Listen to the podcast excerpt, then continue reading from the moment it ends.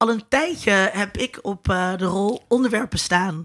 Fitness hypes. Ja. Maar daar hadden we eigenlijk nooit een goede wetenschapper bij. Ja. eh, om dat te gaan doen. En nu vond ik een leuke wetenschapper. En die blijkt het ook een beetje over fitness hypes. eh, blijkt ook een beetje over fitness hypes te weten. Want onze gast van vanavond heeft onderzoek gedaan naar de geschiedenis van gezond eten. Of eigenlijk De voorlichting over gezond eten. de of de verhalen waarop daaromheen. gezond eten gepromoot wordt. Ja. En ehm, ook wat dat met media te maken heeft. Vanaf 1940 tot 2020. Dus we hebben veel te bespreken daarover. Ja, wat wil je weten? Ik ben, heel, ik ben ten eerste heel benieuwd over een hele technische vraag eigenlijk over hoe ga je te werk bij dit soort onderzoek. Want er is natuurlijk onstellend veel gezegd en geschreven, ook al in de jaren 40, 50 veronderstel ik over wat goed en lekker eten Het is. lijkt me heel ingewikkeld inderdaad om het vertoog Ja. over gezond eten in En- kaart te brengen. En hoe maak je dan die selectie en hoe lees je dit soort bronnen? En hoe maak je dan die weging tussen die bronnen om tot een uitspraak te komen over hoe het in een bepaalde tijdsperiode ging? Daar ben ik heel erg benieuwd naar. En ik ben ook wel benieuwd of er bepaalde, wat dan historische, een césuur eh, te herkennen is. Is er een moment in de geschiedenis geweest waarin er opeens het heel anders ging? Of dat er nieuwe dingen kwamen waar eh, we over na gingen denken? We weten dat natuurlijk met want ja, fitness was er volgens mij in de jaren, nou ja, in de, in de, in de, late jaren 40 lijkt mij dat het niet gelijk een thema was. Alhoewel, misschien ook weer wel, want we hadden net de Tweede Wereldoorlog gehad en de mij was het, was het ook zo dat ehm, spieren, dat, dat, eh, die, dat was voor de werkende klasse. En dat pas, zeg maar, je hebt een hele fantastische documentaire van eh, Arnold Schwarzenegger, Ja. jonge Arnold, Pumping Iron, wat sowieso een kijktip is voor de luisteraar. En dat is eigenlijk pas het begin van die fitness hype voor mannen. En het is ook heel interessant als je dan die lichamen ziet in die, in die docu. Ja, dat is. eh, als je nu naar Funhouse eh, gaat, naar een gayfeest waar iedereen zonder shirt rondloopt, dan zie je betere lijven dan in die docu. Ja. En, maar het is ook weer minder geworden op een bepaald moment. Hè? Nadat eh, Sylvester Stallone, Arnold Schwarzenegger, gaan we het allemaal over hebben. Wat wil jij graag weten? Nou, ik ben dus ook wel benieuwd. ehm, tegenwoordig mag je eigenlijk niet meer zeggen dat je slank wilt zijn of eh, dun of zo. Nee, je moet het altijd fit en gezond noemen. Dus daar zie je ook dat die taal die we voor dit soort dingen gebruiken veranderd is. Ja. En ik ben dus ook wel benieuwd wanneer dat eh, veranderd is en eh, wat dat dan precies inhoudt. Of dat het misschien eigenlijk altijd al wel zo was. Dat gezond altijd al een synoniem was voor niet dik. Kortom, we hebben heel veel vragen. Ja, Laat leuk. de gast maar komen. Yes. Deze podcast wordt mede mogelijk gemaakt door Code Clear. Duidelijk over websites en design. Vanuit Amsterdam is dit Onder Media Doctoren, de podcast waarin communicatiewetenschappers zich verwonderen over de media. Eten doe je niet zomaar.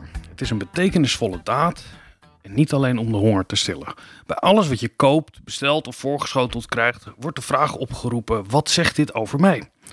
De cola zero die ervoor moet zorgen dat je niet te dik wordt. De diepe teleurstelling en zelfhaat met de inmiddels lege zak chips op de bank. Maar ook de grote pot eiwitshake in je keuken die je vertelt dat je lekker bezig bent. Of was. Vandaag gaan we het hebben over eten. Niet zozeer over wat lekker is, maar over de geschiedenis van wat ons verteld is over eten. En we doen dat met de bijna dokter, Jon Verriet. Op 22 juni, precies om half elf in de ochtend, ga jij je proefschrift verdedigen. Representing the Healthy Lifestyle. En daar zit nog een prachtige ondertitel bij. Ehm, en je gaat dat verdedigen aan de Radboud Universiteit eh, in Nijmegen. Jon, je kan op veel manieren aan geschiedschrijving doen. Wat is eigenlijk de meerwaarde om dat te doen vanuit het perspectief van eten? Ehm, ja, ik, ik denk dat het, meest interessante wat aan eten is, is dat het juist zo laag bij de grond is, zeg maar. Dus het is echt eh, lage cultuur, populaire cultuur eigenlijk. Het is iets wat we drie keer of vijf keer of soms wel zeven keer per dag doen. Ehm, en daardoor, aan de ene kant is het iets waar je eigenlijk niet meer zo heel diep bij nadenkt. Hè? Je denkt van, ja, dat, is, dat is, gaat eigenlijk op de automatische piloot.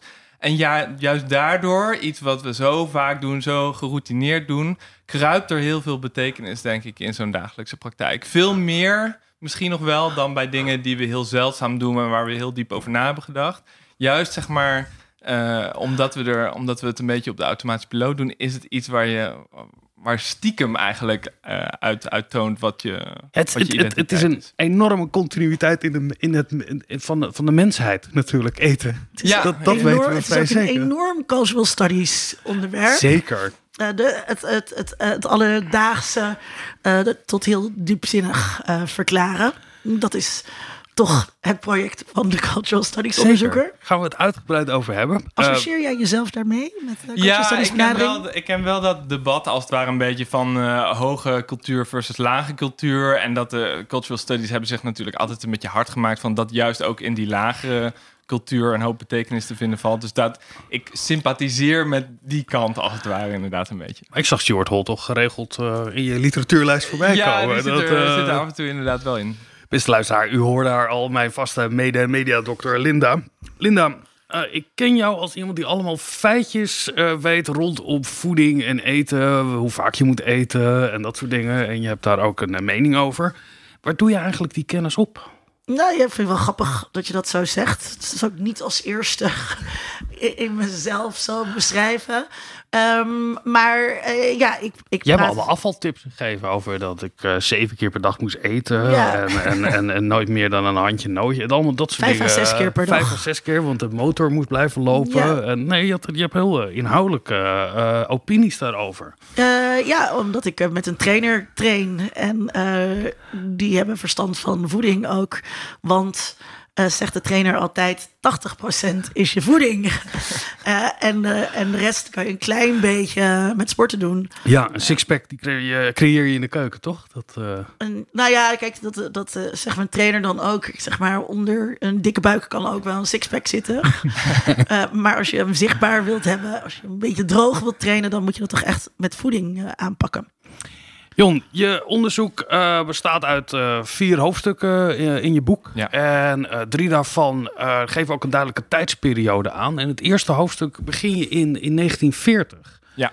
En ik, vroeg me af, waarom begin je in 1940? Nou, die Tweede Wereldoorlog is eigenlijk nogal cruciaal. omdat op dat moment de voorloper van het voedingscentrum wordt opgericht. Dus het voorlichtingsbureau voor de voeding. Dus eigenlijk, eh, ik geloof tien dagen na de inval van de Duitsers... is er een clubje ambtenaren dat dan denkt... we, we grijpen de macht of we, we, we- niemand let even op... dus we richten een voedingsraad op. Want men vond dat er al langer iets met voeding moest eh, eh, bij de overheid. Oh, en nu lag de aandacht even ergens anders. Eventjes, eventjes eh, was niemand aan het opletten. En toen dacht men van... oké, dan gaan we nu zeg maar snel even een voedingsraad oprichten. En daar kwam al snel ook het voorlichtingsbureau uit. En in de Tweede Wereldoorlog was dat ook cruciaal... want mensen moesten leren hoe je met heel weinig... eigenlijk toch nog een beetje gezond kon, eh, kon koken. Ja, Maar dat vind ik echt heel gek. Dat, dat, want het was dus niet onder invloed van de Duitsers. Nee, in tegendeel. Nee, het waren Nederlandse ambtenaren die juist dachten van eh, eh, een beetje zeg maar, eh, er is eventjes niemand let op. En Een beetje oorlog vraagt om wat propaganda. Nou, nee, het was, het, het was altijd, het bureau heeft altijd zijn onafhankelijkheid een beetje bevochten. Er was natuurlijk, zolang er werd verteld wat gezond was om te eten, was dat voor de Duitsers ook niet ontzettend controversieel. Er waren overigens ook wel medewerkers die op een gegeven moment eh, eh, kort in de gevangenis hebben gezeten, omdat ze ook onderduikers hielpen met voeding, et cetera. Dus het was wel, het bureau stond over het algemeen aan de goede kant, eh, voor zover ik heb begrepen. ik vind het een fantastisch beeld dat er ergens na de inval een ambtenaren ergens zitten en die zeggen... Nou mensen, dit is een goed Jan moment. Karel Laten- ja. Ik zit te denken, er was toch met Ik weet niet wat voor, of ze sms'jes hadden, dat hadden ze toen niet, maar er moet een soort kattenbelletje Heeft verstuurd toch, zijn. Naomi Klein heeft toch zijn boek geschreven over dat het, dat het idee van dat je juist in die chaos die ontstaat, zeg maar, dat je dan je moment grijpt. Ik ben even kwijt hoe ze het ook weer noemden. Maar ja, in ieder geval, dat, daar hadden zij duidelijk al waren zij voorlopers van, want ze wisten precies dat ze het moment moesten Dat- grijpen. Hey, en in je onderzoek eh, beschrijf je in de, in de inleiding dat je gebruik maakt van eh, nou ja, tal van verschillende bronnen, vooral uit de populaire cultuur. Mhm. Kan je uitleggen waarom dat belangrijk is, of wat dat belangrijke bronnen zijn om deze geschiedenis te schrijven? Nou ja, ik denk wat Linda net zegt, hè, dat, eh, dat eh, als je bezig bent met eh, jezelf een beetje droog te trainen, een frase die ik nog nooit in mijn leven heb gebruikt, maar nu wel, dan, dan moet je dat wel zoeken in de populaire literatuur over het algemeen. Maar. Daar ga je geen boek van Arno Grunberg voor lezen. Ehm, dus ik denk dat je juist in die, op die plekken, we hadden het net al over voeding, maar ook net zo goed met sport, dat zoek je toch zeg maar in, eh, nou ja, en dan voor mijn periode, dat gaat van televisieprogramma's, maar als we verder teruggaan, ook naar foldertjes dus van het voorlichtingsbureau en ook uh, vrouwentijdschriften, dat soort, uh, dat soort bronnen. En, want er waren er natuurlijk ook diëtisten of, of, of, voedingsdeskundigen, het instituut wat je benoemd mm wordt opgericht. Waar zit dat onderscheid dan tussen die, uh, die populaire cultuurbronnen zeg maar, in je onderzoek en zeg maar, de formele institutionele bronnen over wat dan goed eten is? Nou, dat loopt heel erg door elkaar. Dat is eigenlijk ingewikkeld te zeggen, omdat uh, zo'nzelfde bureau bijvoorbeeld, dat creëert ook soort van meer rapportage, maar tegelijkertijd creëren zij foldertjes voor echt het grote publiek. Dus aan de ene kant schrijven zij mee, zeg maar, ook, ze maken zich echt nog druk ook in de voedingswetenschap. Dus het zijn ook echt nog mensen die echt getraind zijn daarin en ook nog echt publiceren. En tegelijkertijd schrijven ze dus foldertjes van aan de fabrieksarbeider gericht van uh, wat moet je nou eten als je, als je een dag hard werkt. Oh, maar dat kwam wel daar vandaan, uit die institutionele... Ja, uh, dus het, het, het, het, in deze periode, en dat is natuurlijk soms nog steeds wel zo, maar zeker in deze periode hebben uh, de mensen die bij het bureau werken, zijn diëtistes. Hè? Het is een heel interessant bureau, want vlak na de oorlog werken daar dus al heel veel vrouwen. Wat natuurlijk voor die periode voor een organisatie heel bijzonder was dat het overgrote merendeel uit vrouwen bestond. Um, maar zij publiceren deels ook. Dus ze zijn eigenlijk een soort van wetenschapper en voorlichter. Dus dan, ze gaan ook het land in met die, met die praatjes. En waarom was dit er niet eerder? Omdat uh, er is ook uh, in, uh, aan het begin van de 20e eeuw veel aandacht besteed aan de opvoeding van arbeiders. Die in keurige woningen gingen wonen. En bekeken werd hoe vaak ze hun ramen moesten zemen en dat soort dingen. Dus ik, ik zou toch zo kunnen bedenken dat er toen ook al voedingsadvies ging naar de armere medemens.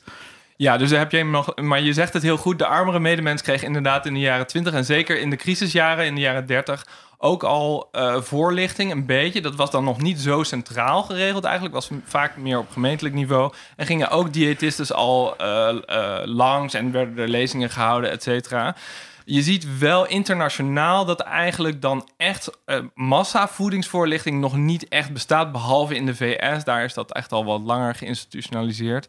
Um, en in Europa is dat dan nog niet echt een ding. En de League of Nations, hè, de voorganger van de Verenigde Naties, die zeggen ook aan het eind van de jaren 30 van het wordt echt tijd dat, dat natiestaten meer gaan doen om echt voedingsbeleid te maken. Dus dat is echt nog een beetje een ondergeschoven kindje. En eigenlijk de noodzaak van de Tweede Wereldoorlog creëert dus bij heel veel overheden, want het gebeurt niet alleen in Nederland, maar op heel veel andere plekken ook een beetje voor het eerst het idee van... oh ja, nu, nu wordt het toch wel tijd om mensen te gaan uitleggen... nou ja, bijvoorbeeld hoe je met boomschort of met tulpenbollen... toch nog een beetje een waardige maaltijd op tafel kunt zetten. Je, je proefschrift beslaat de periode 1940-2020. Uh, en je hebt een enorme rijkdom aan bronnen heb je uh, gebruikt om, om ja. te laten zien. En we gaan straks per hoofdstuk gaan we, hoor ik heel graag van je over nou ja, welke bevindingen daarin zitten. Hoe ben je eigenlijk te werk gegaan om deze bronnen te selecteren? Neem, neem ons eens mee. Ja, ja. Je stapt dus ochtend op de fiets en fiets naar uh, de Koninklijke Bibliotheek in Den Haag? Of waar, waar ja. ga je heen? Nou, dat is, dat is een hele goede vraag. En het is eigenlijk per hoofdstuk ook heel verschillend. Dus ik heb, uh, het boek is echt opgebouwd uit vier best wel verschillende case studies... die wel inderdaad overlappen. En we komen zo denk ik nog wel een beetje meer op waarom er toch wel een soort van rode draad tussen al die case studies zit. Maar betekent wel dat elke case study ook echt zijn eigen bronnensetje vereiste. En dus ook dat daar ook wel heel grote verschillen in zitten. Dus het eerste hoofdstuk waar we net al een beetje aan refereerden, dat had als bronnenset eigenlijk nou ja, een groot deel van wat het voorlezingsbureau voor de voeding heeft ge geproduceerd. Dat ligt bij het Nationaal Archief. En daarna... In 40 jaar tijd, want je zegt 1940, ja, 1980. inderdaad. Ja. Want je kunt natuurlijk door tot het voedingscentrum, hoewel het, het archief de recentere jaren wat minder goed uh, heeft, is gerepresenteerd. Dus, maar vooral van het begin is er heel veel bewaard gebleven. Ja, en heb ik vooral gefocust op overgewicht en, uh, en op uh, sport. En de selectie is gebaseerd op alles moet vanuit het voedingscentrum zijn gekomen als, ja, als bron. Ja, dus, ja, hoewel ik ook nog wel om een soort als een soort aanvulling naar het tijdschrift. Dat was meer een uh, diëtetiek tijdschrift waar dus ook medewerkers van het bureau in publiceerden. Dat heette Voeding. Daar heb ik ter aanvulling ook alle artikelen die over overgewicht of over sport gingen ook meegenomen. Maar dan heb je vier decennia aan, aan, aan materiaal. Mhm. Eh, waarschijnlijk een enorme eh, externe harde schijf, eh, wat je altijd een beetje mee, allemaal, mee, mee allemaal torst. pdf'jes van maken, inderdaad. Ja. allemaal doorzoekbaar maken, ja. En die heb je. hoe ga je te werk dan? Wat, wat is je procedure dan in, in die verzamelingsfase, die datacollectiefase? Ik, ik vermoed dat dat voor veel historici hetzelfde werkt. Maar ehm, wat, ik, wat ik eigenlijk doe, is dat je, je begint wel met een vooropgezet plan. Kijk, mijn project zou altijd gaan over dus... eh, ik, ik noem het, heet het overgewicht, maar eigenlijk dikte moet ik zeggen. En, ehm, eh, en sport, zeg maar. Dat waren altijd de, de lifestyle, zeg maar, vanuit die twee eh, hoeken. Ehm, en ehm, op, dat nauwt natuurlijk al wel heel erg je blik op de bronnen. En op het moment dat je dan besluit, ik ga dit specifieke archief pakken en deze specifieke jaren, dan heb je het alweer een beetje beperkt. En dan ga je eerst maar eens een beetje lezen wat je tegenkomt natuurlijk. Je gaat niet gelijk nog verder. En op een gegeven moment denk je wel van, oké, alle folders die over zeg maar, het telen van bieten gaan in, in 1943, die mag ik dan overslaan. Terwijl daar zit misschien ook wel iets over... Nou ja, overgewicht was toen echt nog totaal geen issue tijdens Nee. de Tweede Wereldoorlog natuurlijk. Maar misschien Maar- wel Een verlangen. Maar, zo. ehm, want je zei dikte, betekent dat dan hetzelfde als eh, lengte? In de zin dat het eh, kort of lang kan zijn? Dat dikte ook dik en dun kan zijn? Ja, dus de, ik, eh, het is eigenlijk, een, eh, vind ik zelf in ieder geval, ik ben dat eens met de. eh, dit is een. een dit is zo geponeerd in fat studies, wat eigenlijk een soort pendant is van cultural studies. waarin dus wordt geponeerd van ja, eigenlijk is dikheid is een veel neutralere omschrijving van hoe een lichaam eruit ziet. Zoals dunheid dat is, zoals lang dat is, inderdaad, precies zoals jij zegt. Veel neutraler dan bijvoorbeeld obesitas, wat een hele gemedicaliseerde. En wat dus eigenlijk ook als je die term gebruikt, gelijk impliceert dat jij ook op een heel medische manier Ja. kijkt naar dikte. En eigenlijk, ja, ik ben sowieso historicus, dus voor mij is het veel fijner om in een neutrale term te spreken dan in een soort gemedicaliseerde die ik. Ik ben geen arts, dus zo praat ik ook niet over lichamen. Ja, Maar valt onder het begrip dikte dan ook uitingen die gaan over mensen die dan dun zijn? Of te Wat- dun wat zijn? bedoel je daar Of- precies Nou ja, het begrip dikte eh, geeft een soort schaal aan, zou je kunnen zeggen. De mate van dikheid. Ja, ja. Eh, heb je dan in je onderzoek, gaat het dan alleen maar over eh, overgewicht in die zin? Alweer, gebruiken we die term niet? Of kijk je dan ook naar eh, verschijningen over mensen die ondergewicht hebben? Of, Oh ja, nou, het, gaat natuurlijk wel voortdurend over dunheid, mijn boek. Omdat er in, eh, eh, direct na de Tweede Wereldoorlog eigenlijk echt een soort slankheidsmanie, zoals dat wel eens is genoemd, opkomt. Niet alleen in de VS, maar ook heel duidelijk in Nederland. Dus men gaat ook enorm druk met diëten.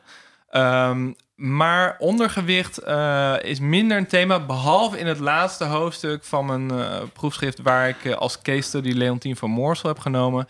En waarbij ik eigenlijk dieper inga op de sporter als een soort lifestyle expert. Ja. Ehm, en daar komt haar worsteling met, met, met eten komt daar natuurlijk ook in voor. je, je, je hebt die verzameling bronnen in die verschillende hoofdstukken. Ehm, hoe ga je dan, want je maakt een weging. Je zegt, nou ja, als ik drie folders over bieten koken heb, dan heb ik hem wel gehad. Dat snap ik, dat je een soort eh, saturatie eh, Ja. bereikt in, in dat punt. Ehm, wat zijn andere strategieën om die selectie te maken? Nou, je moet dus echt wel. De, kijk, bijvoorbeeld voor, de, voor dit specifieke archief was er een heel duidelijke inventaris. Dus dan eh, ga je soms op basis van titel al. Denk je al van: oké, dit sla ik over. Want het, het gaat echt om een gigantisch archief. Ik ben even kwijt. Ik dacht dat het. Was het. Nou, het was in ieder geval een aantal meter. Maar het was echt heel veel. Ehm, dus dan moet je al besluiten op basis van een titel van eh, industrie, eh, het hygiënisch houden van industriële keukens. Ga ik daar naar kijken in de hoop dat er misschien iets over dikte staat of over sporten? Nee, dat sla ik lekker over. Dus op die manier kun je al best wel veel. eh, en aan de andere kant bijvoorbeeld heb ik de jaarverslagen van het bureau. Daar las ik er een paar van. Toen dacht ik, ja, dit is eigenlijk.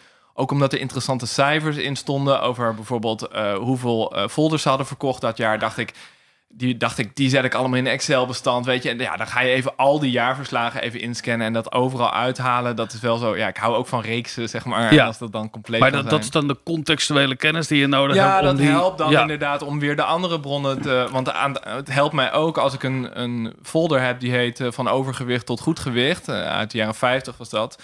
Ja, dan wil je ook... Ja, ook voor de, mijn lezer, zeg maar, ook als je dat publiceert in een tijdschrift... dan is het overtuigender als je kunt zeggen... ja, dit werd wel uiteindelijk een paar miljoen keer ging dat... eh, Ja, Maar dat is dus al de jaren 50. Ja, dus eh, wat interessant is aan dit bureau is dat men, ehm, men was wel echt wel cutting edge. Niet alleen qua technieken, zeg maar. Dus men probeerde al heel vroeg met video ook en allemaal andere spannende technieken. Veel beeld en zo, simpele taal om de, om de Nederlander te bereiken. Maar je ziet ook dat men echt al heel vroeg overtuigd is dat wat men dus ehm, eh, overeten noemt op dat moment, dat dat echt het probleem van de toekomst gaat worden. En dit is echt een cruciaal omslagpunt in eigenlijk de hele voedselgeschiedenis van de mensheid. Mhm. Dat eigenlijk wij, oké, ik ga lekker een beetje chargeren, miljoenen jaren zeg maar, altijd min of meer het voedselprobleem was van de mens. Je krijgt te weinig binnen van iets, van het een of het ander. Te weinig vitamine, te weinig koolhydraten, te weinig proteïne, whatever. En ineens, in de jaren 50, in een deel van de wereld, wordt het voedselprobleem, we krijgen eigenlijk te veel van iets Dat binnen. begon toen al in de Dat VS. is dus, ja, nou, ook Ik in wil- ik wil het daar zo- maakt men zich daar Nou, dus al... Neem de Sorry, ruimte voor. sorry, eh, Vincent. hou je aan het Loop ik op draaiboek. het eh? Ja. Dat, eh, ehm, want ik, je hebt dan die- bronnen. Ik probeer het ook een beetje te schetsen voordat we bij die inhoud komen. En dan gaan we kijken hoe je bij die bevinding bent gekomen. Of bij Mhm. dit verhaal. Ehm, want je hebt die bronnen, maar die bronnen moet je ook analyseren. natuurlijk. Je moet daar iets mee doen. Hoe doe je dat? Ja, dus dat is voor. ehm, eh, dat, dat verschilt heel erg. Die methode kies je eigenlijk op basis van de bron. Ehm, en voor mij was dat natuurlijk lastig, inderdaad, omdat eh, in een archief van een voorlichtingsbureau vind je gewoon heel andere soort dingen dan. Nou ja, ik heb bijvoorbeeld ook televisieprogramma's met Leontien van Moorsel waarin wat meer eh, content-analyse gedaan, zeg maar, daarvan. En, en dan ja, dan zoek je daar een beetje literatuur bij die je ook kan helpen. Soms eh, bijvoorbeeld vanuit een wat meer feministisch perspectief. Dat je zeg maar kijkt van wat gebeurt hier nou eigenlijk in, eh, in dit programma. Het helpt ook om dan zeg maar literatuur bij te zoeken die de genreconventies een beetje uitlegt. Hè? Dus dan Ja. heb je het over, ja, dit gaat dan vaak over een soort make-over televisie is dan het genre. En dan kijk je van oké, ik, deze mensen vinden niet hier het wiel opnieuw uit. Dit is een heel vaststaand genre met bepaalde vaste rubrieken. Ehm, en hoe past dit programma daar dan in? En waar, waar maakt het misschien ook net weer interessante nieuwe keuzes? En wat zegt dat dan? Je, schrijft in de verantwoording in je proefschrift dat je enerzijds kijkt naar een, eh, wat jij noemt een, een, de implied audience eh, Mhm. van al die bronnen die je hebt. Dus als ik het voor mezelf zou moeten, het veronderstelt een bepaald publiek. Eh, ja, ga je weet je, als voor arbeiders Ja. iets hoe je bieten gaat koken, dan precies. heb je een eh, beeld over. had vaak de, de, ja, de middenklasse huisvrouwen in Nederland eh, voor ogen. En, en de tweede benadering is dat je eigenlijk vanuit een historisch perspectief gaat kijken over hoe mensen daar ooit betekenis aan zullen hebben gegeven. Ja, ja en dit is. Dit Hoe doe je dat? Ja, Ja. dit is precies. Dit is de. Dit is. Hier zijn hele boeken over volgeschreven door cultuurhistorici, omdat dit is ons pijnpunt natuurlijk. We I zitten, know, daarom vragen we wij zitten niet ja. in het heden, dus wij kunnen niet. eh, het zou zo heerlijk zijn om, om eh, zo'n folder van het voorlichtingsbureau eens voor te leggen aan, eh, aan een huisvrouw uit 1958 en dan te zeggen: ja, hoe kwam dit eigenlijk bij u binnen? Ja, Eh, maar ja, dat, die huisvrouw die hebben we niet meer. En zelfs al ga je er, zeg maar, dat als ik mijn moeder of, of grootmoeder daarover ga vragen, dan hebben ze allemaal herinneringen, maar ze zijn allemaal gekleurd door 40 jaar of 80 jaar geschiedenis. Dus ja, dat kan eigenlijk niet meer. Ehm, en dus maak je een, ik wou bijna zeggen educated guess, maar dat is gevaarlijke taal. Ik Eh, zou je bij, bij je verdediging zou ik Ja, deze dat niet Stuart. Hall draait zich nu om in zijn grap. Mijn verdediging komt nog. Dus en zeker geen educated guess, maar wel op basis van heel veel historische contextuele informatie. Op basis van hoeveel. eh, bijvoorbeeld, eh, ja, soms vind ik ook eh, kijkcijfers helpen. Weet je, dan krijg je al een beetje een indruk van de impact. En als het dan ook nog eens helpt. Soms zijn ook media nog uitgesplitst naar eh, bijvoorbeeld vrouwentijdschriften hebben heel uitgebreid lezerskringonderzoek gedaan. Waardoor je dus heel precies kunt zien wie las dit eigenlijk. Nou, dat helpt me ook al enorm. Dan kan ik wel zien van. ehm, en als je dan ziet dat het ook nog eens een. ehm, eh, vaak media zijn waar enorm de best is gedaan om impact te maken. Dus om mensen te bereiken. Dat betekent wel dat zo'n voorlichtingsbureau, hè, en dat zie, je, dat zie ik dan wel weer. Ik zit natuurlijk in dat archief aan de achterkant, dus ik zie achter de schermen. Oh, men zit druk te discussiëren. Men haalt een soort van steekproefclubjes bij, zeg maar, met vrouwen uit alle lagen van de samenleving om te checken of het wel binnenkomt. Ja, dat geeft bij mij dan weer wel een indruk van eh, eh, wat het publiek zou kunnen zijn en hoe dat misschien bij een deel van dat publiek is aangekomen. Ja, maar ik moet nu toch wel even, even cultural studies in gaan grijpen. Ja, hoppa. Ehm, ehm, want, eh, eh, dus ik zei net, Stuart Hall die zou zich omdraaien in zijn graf. Eh, de, stu- de, de luisteraar die mediastudies heeft gestudeerd. die Hoe zit het dan met de oppositionele lezing? Het, het bekende encoding-decoding model. We weten ook van onderzoek naar vrouwentijdschriften dat vrouwen geen sponsjes zijn. En dat zeker als het gaat over dieetinformatie, ze heel veel dingen ter kennis aannemen. Eh, in de termen van eh, Joke Hermes, ehm, eh, die eh, haar proefschrift heeft geschreven over tijdschriften. Tijdschriften zijn ook easily put down. Die leg je ook makkelijk weer weg. Ehm, het is natuurlijk niet zo eh, dat ze dit allemaal direct in de praktijk zijn gaan brengen. Want als het zo was geweest, dan waren we als bevolking niet massaal zo dik geworden. Eh, ja, nou wacht, kanttekening. Ja, ten eerste, je hebt natuurlijk helemaal gelijk. En eh, je moet je als historicus dus altijd een soort van tegenlezing ook proberen te visualiseren. En dat heb ik natuurlijk ook gedaan. We komen straks op mijn tweede artikel. En dan ga ik juist uitgebreid in op die, zeg maar, countergroepen die daar ook ontstaan. Die zeggen, deze onzin, en zeker deze dieet onzin ook, die is niet aan mij besteed. En dat kan Ehm. samen ook in een vrouwenblad staan. Je kan Absoluut, zowel ja. ehm, een, eh, een heel stuk hebben over. eh, eh, denk laat, je, laat je juist- niet dik praten. Juist in vrouwentijdschriften Ja. zit die, die Ja, zijn tegenstelling. Ja. vrouwen tijdschriften ook zo gemeen. Ja, dat Ja. is wel waar. Ja. Wordt, je moet vooral jezelf zijn, maar dan wel 30 kilo lichter. Ja, ja, ja, precies. Nee, dus dat klopt inderdaad ook dat je je dat moet voorstellen. Het is, ehm, ik w- wil nog iets anders zeggen, maar ik ben het even kwijt over dat. ehm, nou ja, laat maar. Nee, maar die op, we hadden het over die eh, in, in die verschillende tijdsperiodes. Kan je je heel goed voorstellen door te kijken naar wat is eigenlijk de dominante betekenis in al deze folders en, en televisieprogramma's en wat er ook. Wel, welk verhaal wordt hier verteld? Ja. Maar hoe kan je rekenschap geven van mensen die zich juist daartegen keren of zich eraan onttrekken? Of, of, of kan dat Ja. ook als daar geen bronnen van zijn? Nou ja, dus ik heb daar twee voorbe- voorbeelden van in mijn proefschrift. Dat, ehm, eh, ik doe dat al bij het eerste artikel over het voorlichtingsbureau. Omdat dus, juist omdat we daar achter de schermen kunnen kijken, heb je niet alleen maar eh, de productie van het Ja. bureau, maar eigenlijk ook, eh, en natuurlijk weer door hoe het bureau dat representeert, eh, de, de, de, hoe het is aangekomen bij het publiek. En eh, ja, dat is natuurlijk dat bureau. En je ziet ook heel duidelijk bij het bureau een verschil tussen een jaarverslag, dat naar de ministeries werd gestuurd, Ja. hè, waar het vooral ging over verkoopcijfers en over eh, dat er zo ontzettend veel leuke mensen op de lezingen waren afgekomen. En wat meer de interne discussies.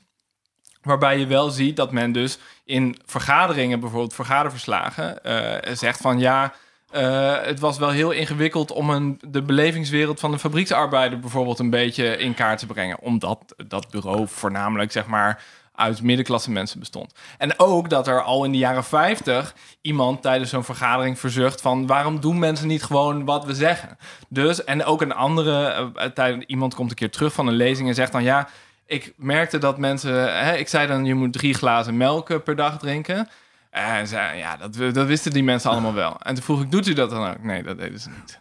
Dus je ziet heel duidelijk, en dit is eigenlijk de crux ook van waarom het voorlichtingsbureau zo ontzettend gefrustreerd raakt, is dat al die goede adviezen, zeg maar, en dus inderdaad, het sluit heel mooi aan eigenlijk bij jullie kritische punt net, dat al die goed bedoelde adviezen van, nou, je moet melk drinken, je moet volkorenbrood eten, dat dat allemaal, je kunt het wel, mensen kunnen het wel weten, maar dat is totaal iets anders dan ook dat in de praktijk brengen. Dat gebeurt dus eigenlijk op hele kleine schaal maar. We hebben onlangs nog een aflevering Ja, er gemaakt over, over. gedragsverandering. Ja, ik zag hem inderdaad. Ja, Ja, ja, ja. Nou, dat is dus dat. Eigenlijk is dit is de periode waarin voorlichters erachter komen dat pure informatie bij lange na niet genoeg is om gedragsverandering te bewerkstelligen. En dat is voor hun, kan ik je wel vertellen, als je dat achter de schermen ziet, een nog, nogal pijnlijke conclusie. Want er is, het model is heel lang. We verkopen zoveel foldertjes, dus het gaat fantastisch. En dat is denk ik ook, ik denk ook dat dat te maken heeft gewoon met ideeën over massacommunicatie die eh, al voor de Tweede Wereldoorlog bestonden.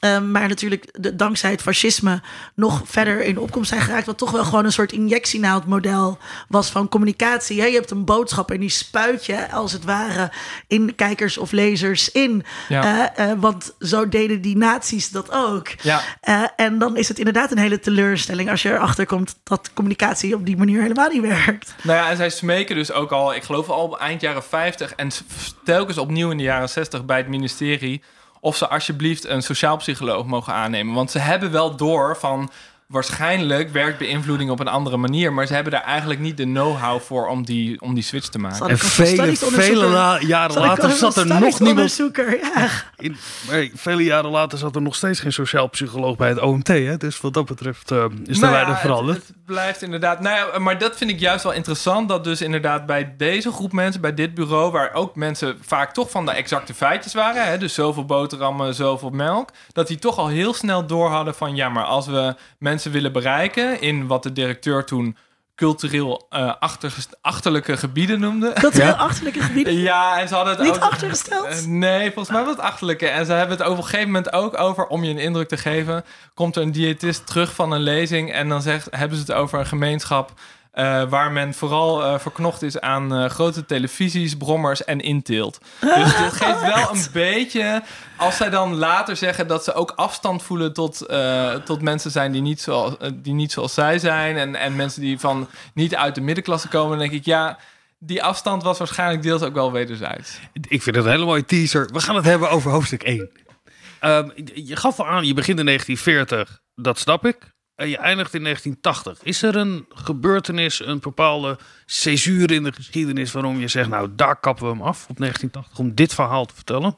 Nou, als ik heel eerlijk Of ben... is het ook een pragmatische keuze? ook dit ga ik natuurlijk tijdens mijn verdediging niet zeggen. Maar als ik heel eerlijk ben, deels is dat natuurlijk wel arbitrair. Want eh, eh, mensen die een beetje bekend zijn met de naoorlogse periode... ja, er, zijn zo, er vinden zoveel ontwikkelingen plaats. En ik heb het dan bijvoorbeeld over individualisering. Daar zullen we het zo over hebben. Nou ja, ja, dat is niet een proces dat plotseling ophoudt of zo in Ja. 1980. En het is, je kunt wel, denk ik, beargumenteren... en dat doe ik op basis van mijn bronnen ook zeker... dat er een ontwikkeling wordt ingezet ergens aan het einde van de jaren 60, die in de jaren 70 enorm intensificeert. En die ontwikkeling, de meest interessante deel daarvan, wat ik wil laten zien, dat dat in 1980 wel een beetje is uitgespeeld.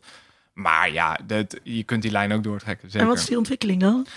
Nou, ik, Daar zijn we nu eindelijk Ja. aangekomen, ja. ja, dus je, wat ik interessant vond, is dat Voorlichtingsbureau voor de Voeding raakt dus langzaam een beetje gefrustreerd met de Nederlandse bevolking, die maar niet willen luisteren naar hun goed bedoelde advies. En er komt steeds meer wetenschappelijk bewijs, ook onder, eh, bij, van Nederlandse onderzoekers, dat eh, weten niet hetzelfde is als doen. Dus als je zeg maar weet dat je zo en zo moet eten, dat dat nog niet per se wil zeggen dat je dat ook echt doet.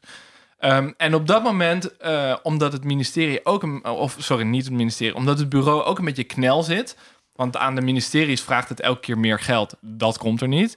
En intussen wordt de voedingsindustrie steeds groter, machtiger. Die, die krijgen ontzettende budgetten om reclame mee te maken. Ehm, ik geloof dat Unilever bijvoorbeeld in een periode van 12 jaar eh, het R&D-budget met, met zes ver- vervoudigd. Dus dat geeft een beetje dat groeit enorm uit, terwijl het bureau blijft eigenlijk relatief klein. En de, hele tijd sturen ze een soort klagende brieven, die je dan ook in het archief vindt, naar de ministeries van mogen we alsjeblieft wat meer subsidie. En waar moeten we dat bureau eh, plaatsen? In de zin van, we zitten...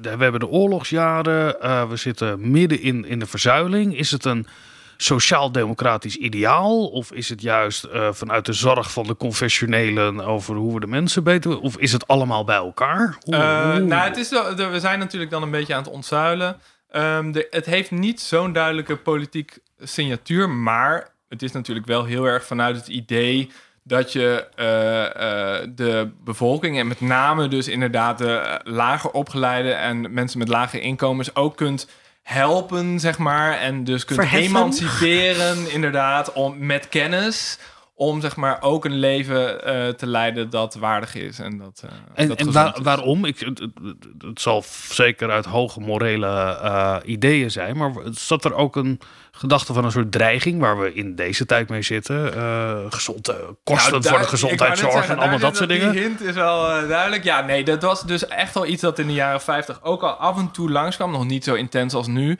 Maar de, het talking point van ja, we moeten ons zorgen maken over het feit dat de zorgkosten stijgen. dat bestond toen al. En dat zie je ook in de jaren 60 toenemen inderdaad. Dat dat steeds meer...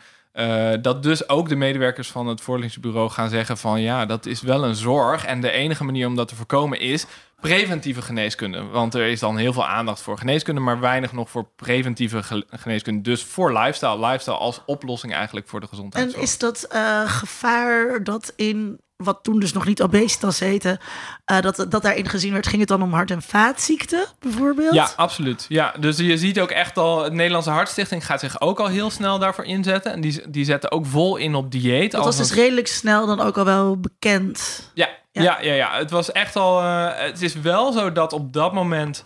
eh, de, het, wat als het meest kwaadaardig wordt gezien is vet. Dus er wordt vooral over boter bijvoorbeeld en zo wordt dan gezegd van dit is echt zeg maar waarom. dus van vet word je vet. Eigenlijk dat was een beetje de logica Ja. van die tijd. Terwijl volgens mij nu wel iets meer naar suiker wordt gekeken en naar snelle koolhydraten en iets minder eigenlijk naar vet. En dat er ook wat genuanceerder over verzadigd vet wordt gedacht tegenwoordig dan toen.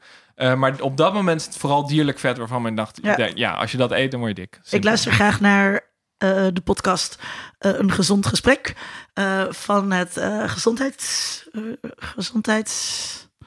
Niet gezondheidsraad, gezondheid... Nou, eh, eh, eh, wel van een, van een, goede, een goede bron afkomstig, zeg maar.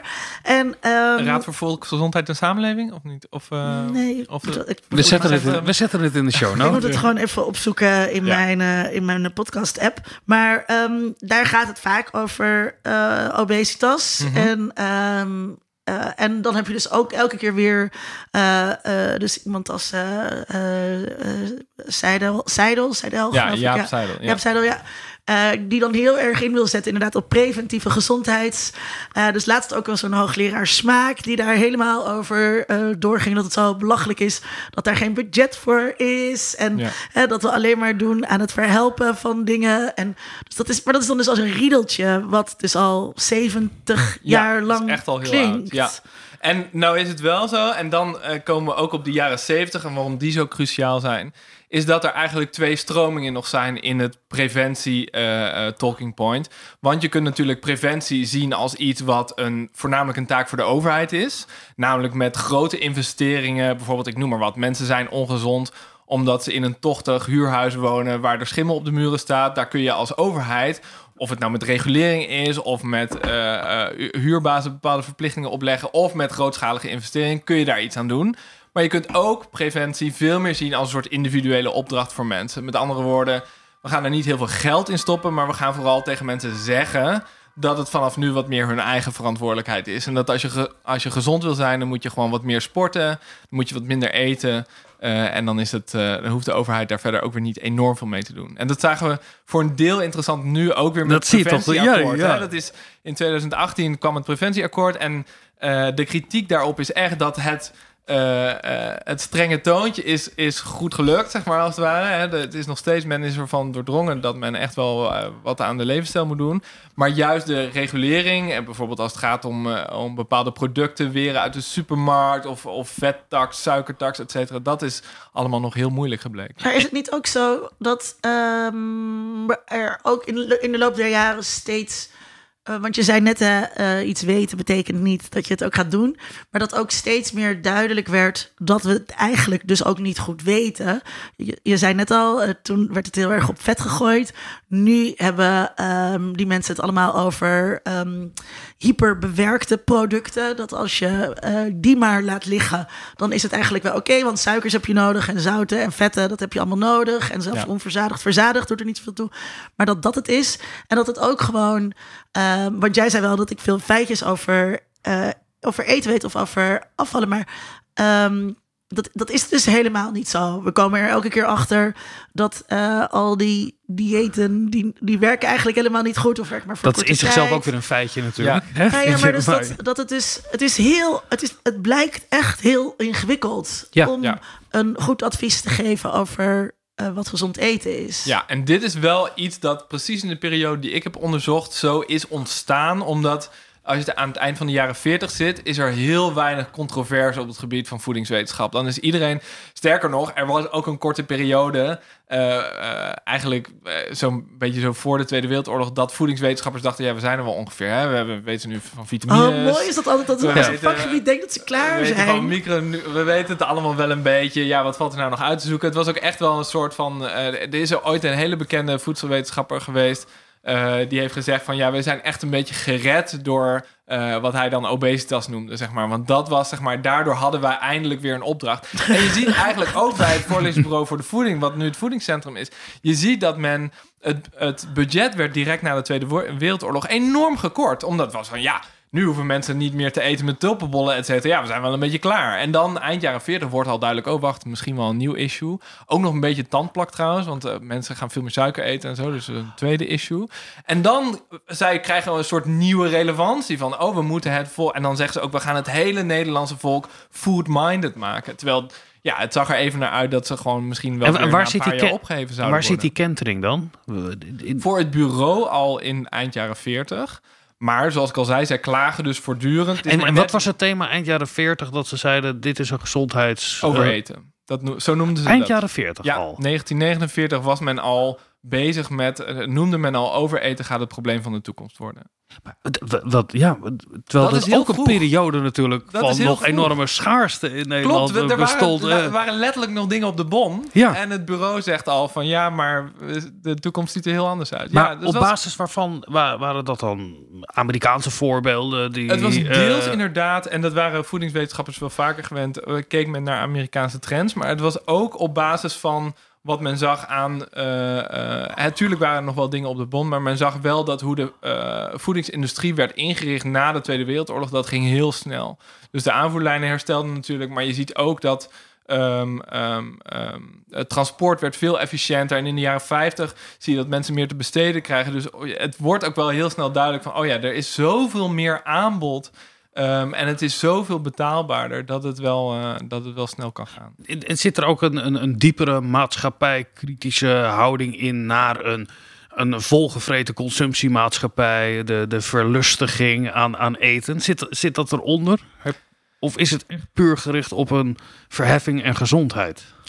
Ja, dat is moeilijk te zeggen. Dan ben je echt in mensen hun hoofd aan het kijken. Hè. Dat, ehm, eh, ik kom dat in de bronnen niet zo tegen. Dat er echt, zeg maar, waar je, aan, waar je op hint.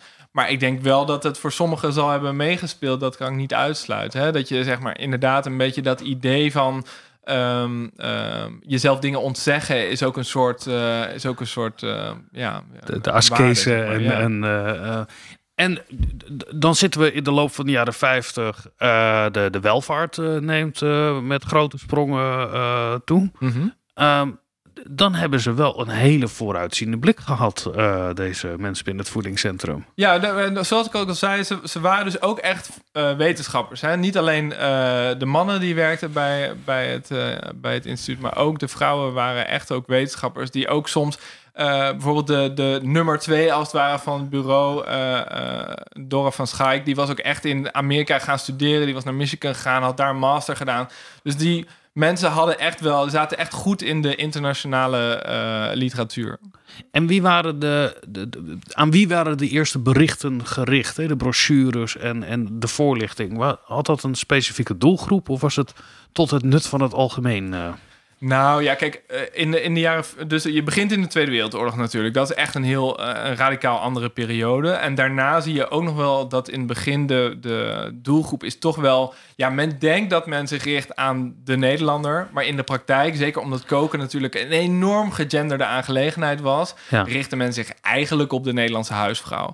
Nou is het wel zo dat dus al heel snel ook werd gezegd van... oh, maar we moeten bijvoorbeeld de fabrieksarbeider... en dat is heel grappig, want de lager opgeleide man is ook nu nog voor het Ja. voedingscentrum... Hè, zeg maar hun white whale, zeg maar, dat lukt maar niet om die te bereiken. En ook dat is dus een strijd die ze al 80 jaar leveren. En er is natuurlijk ook een verschil tussen de huisvrouw uit die eh, achterlijke gebieden en, eh, en de huisvrouw uit de, uit de middenklasse die herkenbaar was voor de mensen die daar zelf werkten. Ja, en het was ook nog wel zo dat de mensen die ze misschien het best wisten te bereiken met hun boodschap, waarschijnlijk al het meest consumeerden op de manier dat het bureau het graag zag. Ze hebben op een gegeven moment een interne peiling gedaan. Ehm, en toen kwamen ze erachter dat eigenlijk de mensen die het best luisterden naar de boodschap van het bureau, vooral de medewerkers van het bureau zelf waren.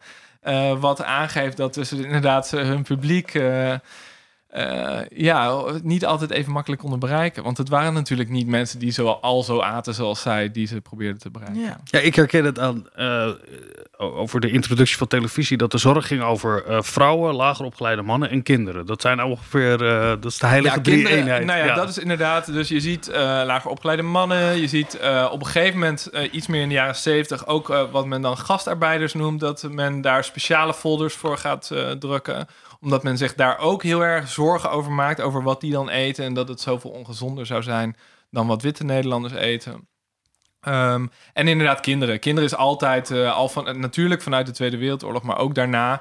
Ook met het idee, omdat men op een gegeven moment een beetje switcht van strategie van deze generatie is een beetje verloren. Maar wat als we die kinderen nou nog kunnen beïnvloeden, dat die dan in ieder geval wat meer gaan sporten en wat minder gaan eten, dan Ook hebben we die dan in ieder geval. ja. Het is, Ja. Of ja, verstandig eten Nou een ja, appel. het is eh, inderdaad, ergens is het een soort bijna tragische, zeg maar, zie ik nu in het debat zoveel dingen terugkomen waarvan ik denk, ja, jullie zijn dingen aan het herontdekken die, die zeg maar in de jaren 50 en 60 ook al speelden. Interessant. Als belangrijke trend in het eerste hoofdstuk beschrijf je de individualisering. Je hinterde net al kort naar over dat het van een collectief eh, belang was. Dat het, eh, nou ja, we zouden tegenwoordig misschien zeggen, een neoliberaal idee is. Ja. Je bent zelf verantwoordelijk voor je gezondheid. Hou je daaraan? Ehm hoe, hoe is deze, waar, waar zie je dat gebeuren eigenlijk in die 40 jaar?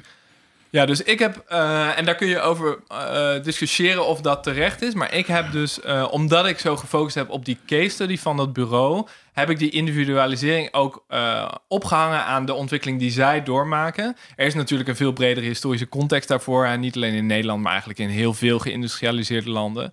Maar ik zie bij het bureau die soort van individu-logica ook ontstaan. Dat zie ik met name in de jaren 70, wanneer het bureau dus eh, steeds meer gaat zeggen van de consument moet vooral ook zichzelf de keuze maken en zelf eh, verstandiger gaan, eh, gaan koken en gaan eten. Ehm, ja, ik verklaar dat heel erg. En dat was eigenlijk mijn, mijn idee van dat artikel, dat ik graag ehm, ehm, niet zozeer wilde zeggen van, oh, dit is neoliberaal. Want nou ja, goed, daar kun je over discussiëren. Persoonlijk vind ik dat eigenlijk helemaal niet zo'n gek label ervoor. Maar vooral van, maar hoe komt zo'n organisatie tot... Hè, is het altijd van iedereen vaart mee op de grote maatschappelijke individualisering?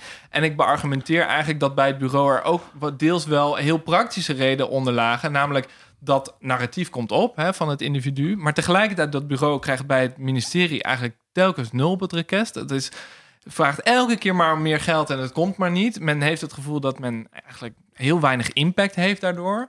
Eh, heeft ook nog eens, ziet die voedingsindustrie steeds machtiger worden. Reclame, ook nog eens daar op een gegeven moment op televisie en op radio. En, en men voelt gewoon, we hebben echt heel weinig impact. En dan zie ik die turn eh, van... ja, de consument moet het ook wat meer zelf gaan ontdekken... en zelf gaan uitvinden. Ja. Wij hebben ons best gedaan. Dit is een soort zwaktebod. Zo, het is, eh, nou ja, het is echt inderdaad een, eh, deels een zwaktebod. En kijk, zij zeggen natuurlijk zelf niet letterlijk in hun jaarverslag van... Nou, we besloten van eh, toen we Nee. nul impact hadden van we, gaan, het- we schuiven het lekker op de consument af. Wel vind ik heel opvallend dat, in, eh, dat ze intern ook schrijven van ja, er wordt wel heel veel gevraagd van de consument. Dus ze hebben, ze hebben ik, het keerpunt dat ik schets is 1975, omdat ze dan een film uitbrengen van een kwartiertje. Die werd dan soms in een bioscoop voorafgaand aan een film gedraaid. Eh, en dat is een animatie en die heet Je moet het zelf maar weten. En dan de W tussen haakjes, dus is ook nog een pun. Oh. Ja, ja, daar was men sowieso dol op. Eh, Ja, en eh, het punt van die film is eigenlijk dat men allerlei voedselpraktijken eh, laat zien aan de hand van allemaal talking heads. En eh, de een zegt van ja, ik eet graag eh, boontjes en veel vitamine C en dat klinkt dan fantastisch. Maar de andere zegt ja, ik eet graag heel veel slagroomtaart, dat vind ik allemaal fantastisch. En eh, wat zij zo radicaal vonden aan die film is dat er dan niet aan het einde een expert komt en die zegt: Oh, maar de slagroom, dat mag natuurlijk niet, dat is heel erg slecht. Maar dat het juist open werd gelaten en dat de kijker zelf als het ware tot de conclusie moest komen: van, Oh, die elke dag heel veel slagroom, dat is waarschijnlijk dan niet zo verstandig. Ehm, dus, en dat is echt een keerpunt, die midden jaren 70, waarin ze dus gaan zeggen: Het is de emancipatie van de consument waar we op mikken.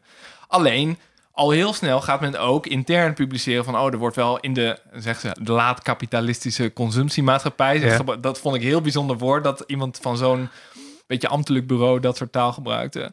Eh, ehm, eh, vragen we wel heel veel van de consument. Als je zeg maar met alles waar de... Hè, wat jij net ook zei, Linda, van... ehm, het is juist heel moeilijk om nu te weten wat je precies moet eten en hoe je dat precies moet, eh, hoeveel en wat. Er is zoveel informatie. Nou, dus precies in deze periode komt er echt zo'n kakofonie van lifestyle advies.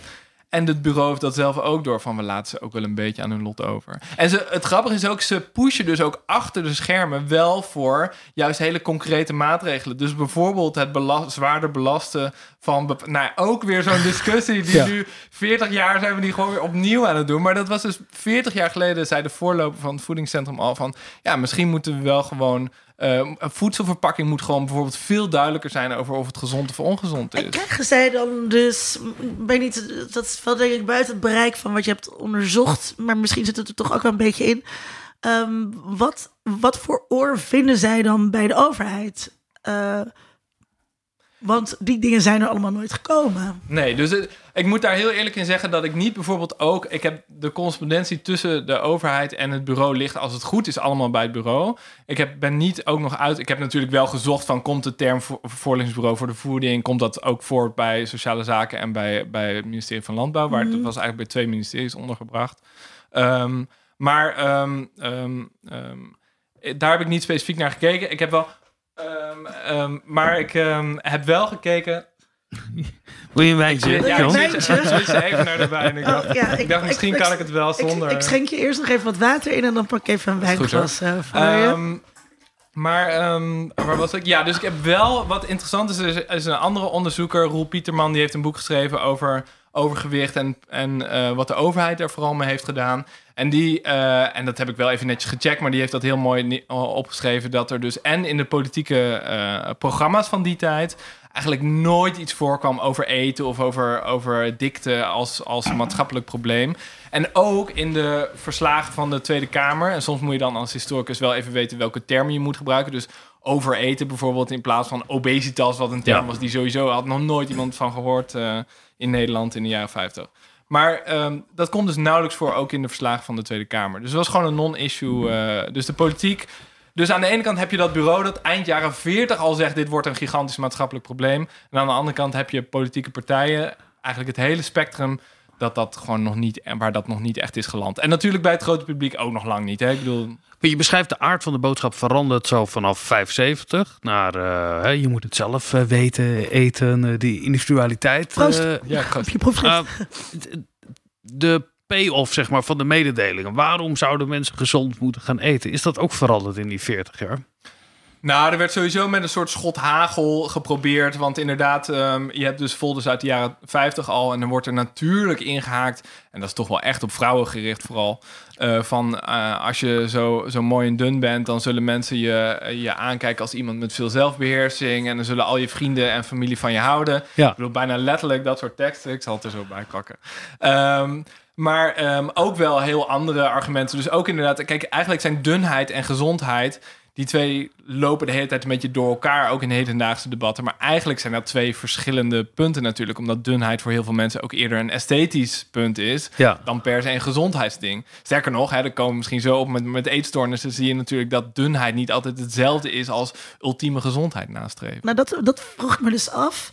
Ehm, ik heb wel eens een mooi stuk gelezen over Weight Watchers. En dat Weight Watchers op een gegeven moment ook het soort slankheidsvertoog loslaat voor een meer fitheidsverhaal. En ehm, mijn trainer zou nooit zeggen dat, je, dat hij je kan helpen met eh, dun worden. Nee, altijd met fit worden of Ja. gezond worden. Ja. Eh, dus ik had het idee uit dat Weight Watchers eh, stuk dat dat pas later optreedt, of in ieder geval eh, bij hun. Maar wat jij nu eigenlijk zegt is dat het al vanaf het begin af aan een beetje door elkaar loopt. Nou, maar ik denk wel dat het inderdaad uitmaakt welke media je dan bekijkt. Dus inderdaad dat eh, als het over dunheid gaat in een vrouwentijdschrift... ehm, en het soort figuur dat je moet willen hebben... ehm, zal dat over het algemeen... Ik heb ooit- voor, ik heb voor dit proefschrift trouwens niet echt naar vrouwentijdschrift gekeken hoor, maar eerder onderzoek wel eh, hiervoor. Ehm, en als ik me dat zo'n beetje probeer terug te halen, dan gaat het vooral over het esthetische argument. Ehm, maar natuurlijk, het voorlichtingsbureau voor de voeding was altijd primair bezig met gezondheid. Dat was hun kernopdracht. Ehm, en dan, als het even kon, een beetje betaalbaar ook. Dus daar hielden ze dan ook mee bezig. Maar die waren niet echt bezig. Die, technisch gezien waren die natuurlijk helemaal niet met het esthetische argument bezig. Alleen, opportunistisch als ze waren, dachten ze in de jaren 50 al wel van... ja, maar als we het aan vrouwen presenteren van... ja, maar je wordt ook zeg maar heel mooi en dun en iedereen zal van je houden... ja, dat helpt misschien dan eerder ja, dan dat dat we zeggen van... ja. nou ja, dat helpt je gezond te blijven. Maar dat is natuurlijk ook nog steeds. eh, eh, is dat een soort raar. eh, eh, rare tegenstelling dat er aan de ene kant super veel vetshaming is in de maatschappij. En aan de andere kant, terwijl je toch zou denken, eh eh, vetshaming, onderlinge druk eh, is het beste disciplinerende middel dat je zo'n beetje kan bedenken. Dikke kinderen worden eh, gepest, dikke mensen worden overal van uitgesloten. En dat je, als dat al niet werkt, zeg ik er even Ja. als een soort eh, evil iemand. niet mij cancelen. Maar ehm, eh, ja, dan, dan, wat dan wel eigenlijk? Ja, wel? het is de, dat is, de ultieme stok natuurlijk. Dat is de ultieme- Ja, dat is de sociale ultieme- uitsluiting. ja. Ja. Ja. En, dan, en dan nog gewoon doorvreten. Dat, eh, van ellende. van ellende. Nou ja, dat is ik, natuurlijk... ik wil het met je naar het, ja. het, het volgende hoofdstuk. Want Ja, dat, want je- daar komen we ja, inderdaad op dat een is heel een hele- natuurlijke hele natuurlijke... Want ehm, Bijvoorbeeld door Weight Watchers. Vertel, want het gaat over het verzet juist tegen eh, die, die, die, die healthy lifestyle. Die, Ja. die, die je beschrijft, die in Nederland dan opkomt in het voedingscentrum. En hier haal je voorbeelden aan in, eh, in een tijdsperiode 1967-89. Ehm, dat is de Summer of Love tot aan de val van de muur. Is dat ongeveer Ja, eh, waar ja, we zitten? Ja, val van de muur was echt cruciaal voor de ontwikkeling van onze lifestyles. Ja. Eh, Daar komen we daarna, komen we daarna op, als dat zo is. Ehm, vertel, waar zit het verzet? Ja, dus dat Weight Watchers is eigenlijk een hele mooie. Dat komt op in 1963. Hè, en dan op een gegeven moment ontstaan er overal allerlei dieetclubjes. eh, niet alleen in de VS, maar ook in Nederland. Ehm, maar in dezelfde periode ehm, wordt ook langzaam, ook wetenschap, in de wetenschappelijke wereld, steeds meer duidelijk. Oeh, dat diëten, dat is ook weer niet zo super effectief eigenlijk. Sterker nog, op een gegeven moment zweeft er heel lang een getal van 95 of 90 procent van de diëten zijn eigenlijk onsuccesvol. In de zin dat je dus na een kortere of langere periode dat gewicht uiteindelijk weer erbij terug hebt. En misschien zelfs wel nog een beetje meer. Ehm, en het heeft ook met je metabolisme te maken. Vooral dat het uiteindelijk misschien wel meer terugkomt. Heeft heel veel te maken met hoe je lichaam ook reageert op een periode van honger.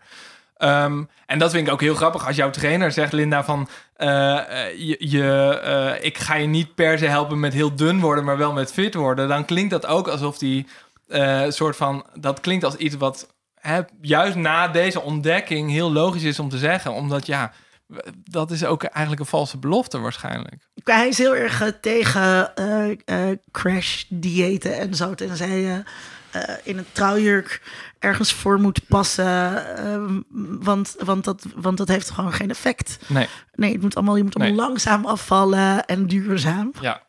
Ja, en je moet vooral ook proberen... levensstijl eh, veranderen. levensstijl zo veranderen op een manier dat je denkt... dit hou ik de rest van mijn leven vol in plaats van... eh, Maar goed, dus er komt in die periode... en dan hebben we het ook in de jaren 50 al bijvoorbeeld... er worden in de VS...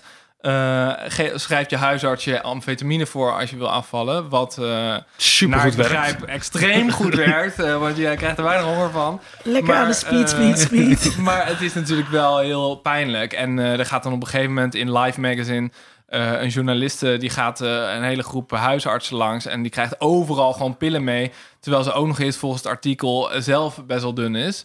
Eh, dus eh, dat is natuurlijk best wel een kwalijke zaak. Dat komt uitgebreid in het nieuws. Daar we gaan zelfs in Congress gaan daar, eh, worden daarvoor Want voor de duidelijkheid, je kijkt naar Amerikaanse bronnen, Ja. kranten en naar Nederlandse. Ja, in dit artikel, dus kijk, dit is het artikel waarin ik met name, dat deed ik natuurlijk bij het voorlichtingsbureau al een beetje, van wat voor een verzet bestaat of hoe landt de boodschap bij het publiek. En hier bouw ik dat wat verder uit door echt te kijken naar van hoe komt in Amerikaanse kranten en in Nederlandse kranten, ehm, hoe komt daar ook een beetje, eh, ehm, zeg maar echt expliciet verzet tegen nou ja, deels diëten, maar überhaupt het idee van de gezonde leefstijl. Dus ook tegen bepaalde sporttrends op. Ehm, en we hadden het over bronselectie. Nou, dit is eh, eh, heel pragmatisch geweest. De coronacrisis kwam. En ik dacht, ik ga mooi geen uh, corona-vertraging oplopen in mijn project. Ik had volgens mij tot september 2021. En ik zag het niet zitten om uit te lopen. Ik dacht, ja, dan moeten we het met digitale kranten gaan doen. Dan, die zijn gewoon fantastisch. En de Nederlandse en de Amerikaanse zijn goed zijn ook nog eens geïndexeerd. Heel goed, ja. En dan kun je ook nog eens, want dat vind ik dan ook wel belangrijk, dat je kranten kunt pakken die enigszins een soort um, soort van maatschappelijke breedte hebben, zeg maar. Dus dat je in Nederland bijvoorbeeld kun je heel mooi het Vrije Volk, hè, meer socialistische krant, uh, naast zeg maar de Telegraaf zetten. Uh, en dan kun je daar ook nog eens trouw bij pakken, wat weer best wel een andere signatuur heeft. Dus daardoor kun je ook zeg maar een beetje, ja, het is natuurlijk een illusie dat je soort van de hele maatschappij zou kunnen afdekken, want heel veel mensen lezen überhaupt de krant niet. Maar op die manier kun je een klein beetje spreiding wel. Uh, en het vindt ook wel gerechtvaardigd, omdat uh, veel van de dingen die wij doen op het gebied van eten of fitnesshypes, die komen allemaal. Of we kopiëren natuurlijk ook heel erg Amerika daarin. Nou, dat was eigenlijk voor dit artikel meer een. Uh, omdat het wel is inderdaad of is dat een natuurlijk... empirische vraag? Nou, dat was inderdaad eigenlijk deels hypothese voor dit, voor dit hoofdstuk. Omdat ik dacht van ja, dat dat is mijn aanname zelf ook, zeker. Hè? Dat ging ik ook vanuit. En ik zag natuurlijk wel anekdotisch hier en daar. En ik zag dat voorlichtingsbureau elke keer ook wel shoppen uit Amerika. Hè? Al hun methoden met hun flitse video's en zo. Dat haalden ze natuurlijk allemaal uit de VS. Daar gingen ze ook voor studietrips heen. Uh, dus ik dacht, ja, dan zullen al die trends wel... Uh, en zo is er ook vaak in de kranten over in Nederland over geschreven. Want die gekte uit Amerika met dit, ja. die gekte uit Amerika met dat. Ook in die periode al. Dus het werd in ieder geval zo gezien, hè, gepercipieerd. De nieuwe rage uit de als van, Verenigde oh. God, En altijd als iets negatiefs. Altijd van, oh, die Amerikanen met dit en dat. En nu zullen wij over 10 of 20 jaar er ook aan moeten geloven. Um, maar je ziet wel dat dat uh, deels klopt. En interessant genoeg dat het dus ook voor de tegentrends... voor de mensen die zich expliciet uitlieten tegen de hele dieet-hype of tegen dat hele idee van de gezonde leefstijl, zie je ook dat dat eigenlijk deels uit Amerika komt, komt overwaaien. Nou, dan heb je het over die uh, fat activists. Ja, ja, dus dat, ik noem dat ook weer uh, dikheidsactivisten. Hè? Dus met, uh, omdat dat dik dan zeg maar, dat, dat haal ik uit de vetstudies, dat men je zegt moet ook dat, het woord moet je reclaimen Nou ja, natuurlijk. kijk, Net als je het- alle woorden moet Het is reclaimen. altijd tricky om dat zeg maar reclaimen. Ja, ik ben zelf niet dik, dus dan is zeg maar voor wie ben ik? Ik ben dan namens iemand aan het reclaimen. dat is Nou, natuurlijk nou, een beetje gek. maar zeg maar. Jon is heel- eh, Jon is heel slank. Jon is niet dik. Kijk, slank is dus geen objectieve term. Hè? Dat is Ja. eigenlijk slank heeft een po- soort co- positieve connotatie. Ik ben dun, zou ik zeggen. Ehm, en dan is het altijd. Ik heb hier ook. Het is heel interessant eigenlijk je positie. Eh, nou, daar hebben het misschien zo nog wel even over. Ten opzichte van je onderwerp. Hè? Eet je dan zelf ook gezond? Ga je door zo'n eh, zo'n onderwerp te bestuderen ook zeg maar heel eh, overdreven bezig met gezondheid? Of ga je juist, word je een beetje recalcitrant? En voor mij is dus ergens wel gek om... ehm, en in de vetstudies literatuur is daar veel over geschreven van... dan komt er de dunne wetenschapper en die gaat dan vertellen van... nou ja, dikke mensen zijn ook mensen. En ze, ha- ze hadden, Ja. ze hadden eigenlijk ook wel best wel een punt... en die emancipatiebeweging was niet zo gek nog niet... of was eigenlijk best sympathiek. En dan ineens gaat iedereen luisteren van... oh ja, die Ken Joris Luijendijk? Zoals Joris Luijendijk eh, Ja, ja, de ja. intersectionaliteit heeft. eh, Maar het is dus inderdaad, in die periode komt eh, in de VS dus al, en dat is, daarom kies ik 1967. Ik doe wel een korte eh, aanloop, maar daarna in 1967 is de eerste Fat In. Wat dan een, een eh, woordspeling op sit-in is, hè, want dat doen, dat doen eh, zwarte Amerikanen. Als Die zijn natuurlijk de, ja. de emancipatiebeweging gaande. En de dikke emancipatiebeweging haakt voortdurend aan op een manier die ik persoonlijk wel een klein beetje ongemakkelijk vind. Want men heeft het dan in plaats van over black power bijvoorbeeld ook over fat power. En dan denk ik, ja, dat zijn ook weer niet precies dezelfde maar we, moeten het wel in die. eh, Maar het is wel precies die periode, ja. ja En- men en- gaat dus in New York, in Central Park, gaat, is de eerste demonstratie van dikke mensen die zeggen: wij, eh fat power, wij hebben ook het recht om te leven. Hoe durf je je aan, te nemen überhaupt dat ik dun zou willen zijn? En, maar mengen die groepen zich dan ook? Of is het een op zichzelf staande groep die de vorm kiest van eh, deze social justice? eh, Kijk, ik, heb, ik, ben, ik ben echt een, eh, een cultuurhistoricus. Ik, er zit wel sociale componenten aan mijn onderzoek. Maar ik zal heel eerlijk zeggen dat ik geen uitgebreid onderzoek heb gedaan naar de beweging zelf en wat voor soort mensen erin voorkwamen. Het is eerder dus op, het, op basis van representaties. Ik kan wel zeggen dat er voortdurend over werd geschreven dat die groepen nogal wit waren, eh, nogal middenklasse waren. Ehm, dus dat dat zeg maar zeker niet mooi mengde. Dat het in tegendeel wel een beetje. eh, Ja, dus dat, dat, dat, dat, dat schuurde, die, die, die, Maar je, die ziet dat, groepen. je ja. ziet dat natuurlijk ook heel duidelijk bij bijvoorbeeld de Nederlandse vrouwenbeweging, die eh, ook allerlei actiemethoden kopieert uit de VS, eh, waarvan een deel ook van de, van de zwarte burgerrechtenbeweging. ja. Dat was gewoon een soort actierepertoire, Ja. eh, maar ook een bepaalde manier van, eh, van slogans bedenken. Dus eh Dolomina had bijvoorbeeld altijd ook altijd over ehm, eh, het N-woord, dus de vrouw als, als witte. Ja. En zeg maar. eh, en waar mijn studenten dan Waar nu altijd John Lennon nog een super, nummer over heeft gemaakt, super door Ja. geschokt zijn dat, Ja. dat, dat ze dat op die manier zich toe-eigenden. Wat nu niet meer zou kunnen, maar ik denk toen vrij standaard was in activistische kringen. Ja. Ja, want je ziet in die burgerrechtenbeweging natuurlijk dat er wel thema's zijn die elkaar wel meer weten te vinden dan. Maar dit, ja. Maar het was toen natuurlijk helemaal nog niet intersectioneel. Nee. Nee, maar nee, had- het, het is ook, het is natuurlijk ook zo dat ehm, ehm, deels zou deze strijd eh, eh, van de dikke mensen in deze periode, dikheidsactivisten in deze periode, zou heel mooi, heel intersectioneel kunnen zijn. Omdat juist dat eh, die ongezonde levensstijl, wat dus eh, dat, er, dat er steeds meer onderzoek in de jaren 60 en 70, maar zeker ook in de jaren 80 is er echt een soort boom. Dat opkomt, steeds meer onderzoek dat laat zien. Wacht eens even, dit is niet zomaar een soort keuze van mensen. Dit heeft enorm, het correleert super sterk met je inkomen. Ja. En zeker ook nog voor, voor eh, bepaalde etnische groepen in de samenleving. Die, en die ook nog eens aan de onderkant van de samenleving die zitten. oververtegenwoordigd zijn in bepaalde Precies, groepen. Nou, En, dat, ja. dat zijn zeg maar, als er groepen zijn die ergens die last hebben van zeg maar dat ongezonde leven, zeg ik tussen aanhalingstekens, dan, dan zijn het die groepen. Dus dit zou een fantastisch intersectioneel issue zijn om op te pakken. Ook nog eens, hè, en, en dan komt inderdaad de feministische strijd er ook bij. Ook nog eens vrouwenhaat of zeg maar eh, seksisme zit natuurlijk. Ik bedoel, vrouwen worden veel sterker afgerekend op hoe ze eruit zien en dus ook op hun lichaamsgewicht dan mannen.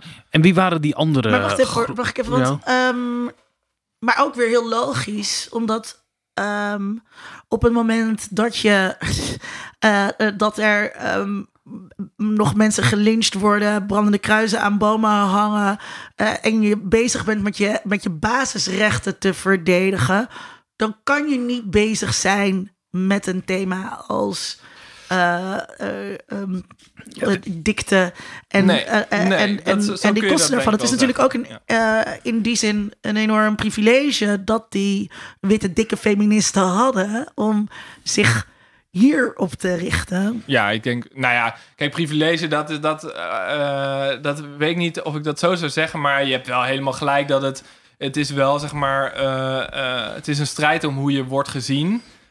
Deels hoe je wordt behandeld natuurlijk. Ehm, kijk, ik denk wel, ook in deze periode wordt al duidelijk, en dit is nog steeds zo, dat dikke mensen bijvoorbeeld door medisch specialisten en door, ook door hun huisarts gewoon eh, aantoonbaar slechtere medische hulp krijgen. Dus eh, ja, lynchen, ja, die vergelijking gaat totaal niet op inderdaad. Dit is natuurlijk echt een heel andere strijd. Nee, we, En we komen in een deel- soort hiërarchie van ja, onrecht de terecht. van Dat- lijden moeten we er mee Ja. oppassen. Maar kijk, dat is inderdaad, die vergelijking is denk ik niet zinnig. Het is wel zo dat ook voor deze mensen, eh, het gaat echt over hun lichamelijke integriteit en ook over echt serieuze gezondheidseffecten. En zij betogen dus eigenlijk juist dat, ja, de dikheid is ongezond voor hen, maar vooral door hoe ze worden eh, behandeld door de samenleving op basis van die dikheid. Dat hè, het enorme stigma en ook de medische zorg die daarbij komt kijken, dat heeft vooral een enorme impact op hun leven. Maar we hebben dus die, die, die vetbeweging, zeg maar, die zich Mhm. daartegen keert. Zijn er andere groepen, je beschrijft ook andere groepen die zich verzetten tegen deze healthy lifestyle? Nou ja, kijk, dus deels zie je gewoon dat bijvoorbeeld in Nederland zie je dat die, ehm, dat die dieetbeweging, dat vinden ze gewoon een vervelende Amerikaanse hype. Ehm, en vooral mannen vinden dat vervelend. En dan bijvoorbeeld de Telegraaf zijn dan columnisten die schrijven van... Oh ja, maar eh, weten vrouwen niet dat mannen best van een, van een onsje meer houden, zeg maar. Wat ik ook heel grappig argument vind dat, zeg maar, weer... eh, vrouwen vooral Ja, ja, in van, zeg maar, als een Tot object van begeerte, ja, ja, willen ja, hebben, dan ja, waar ja. klagen ze dan Ja. verder over? Eh, waarmee ze denk ik ook niet helemaal de strijd begrepen van, eh van Het gaat nog steeds omdat je er lekker uitziet. Nou ja, precies. Eh, maar eh, kijk, ik denk wel inderdaad dat dat, ehm, dat, dat wel meespeelde. Ja. En je, je kijkt naar de Verenigde Staten en naar Nederland. Ehm, kijk, de, de vraag bij verdediging gaat natuurlijk zijn: waarom maak je die vergelijking? Nou ja, de, zoals ik al zei, de hypothese was eigenlijk dat er een invloed zou zijn. Maar ik vind eigenlijk nog interessanter op het eh, ehm, eh, eh, het discursieve niveau, zeg maar, zie je dat in die Nederlandse kranten zie je of, of er nou daadwerkelijk Amerikaanse invloed is of niet. Hè, dat kan ik natuurlijk, eigenlijk kun je dat niet echt meten. Je kan niet echt zeggen van, nou ja, dan heb je het weer het probleem van de cultuurhistoricus.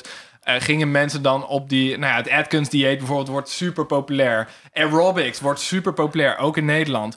Is dat dan omdat mensen zo'n liefde voor Amerika hebben? Ja, dat kan ik niet echt beoordelen natuurlijk. Ik kan wel zeggen dat de Amerikaanse culturele invloed in Nederland best wel significant was op het gebied van de gezonde leefstijl. Maar verder is het wel ingewikkeld om dat te zeggen. Maar wat ik zo interessant vind, is dat er in ieder geval in de krant heel vaak werd gezegd dat die Amerikaanse invloed zo gigantisch was. Dus het werd in ieder geval in die tijd, dus of we dat nu dan vinden of niet, dat is eigenlijk een tweede. Maar in die tijd zag men het echt als van, oh, die Amerikaanse invloed. Op een gegeven moment zegt Jules Dilder, die komt ook nog even langs in mijn proefschrift.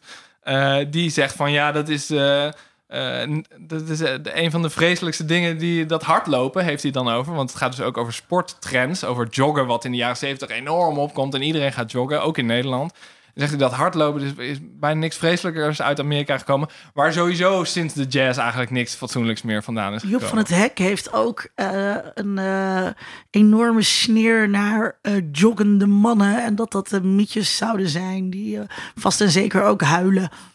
Ja, maar je ziet ook een. een ik zit even te denken. De zichtbaarheid van sporten en bewegen. Uh, weet ik wel, dat je in een trainingsparkje op straat begeeft en daar gaat hardlopen. Dat is natuurlijk al een enorme.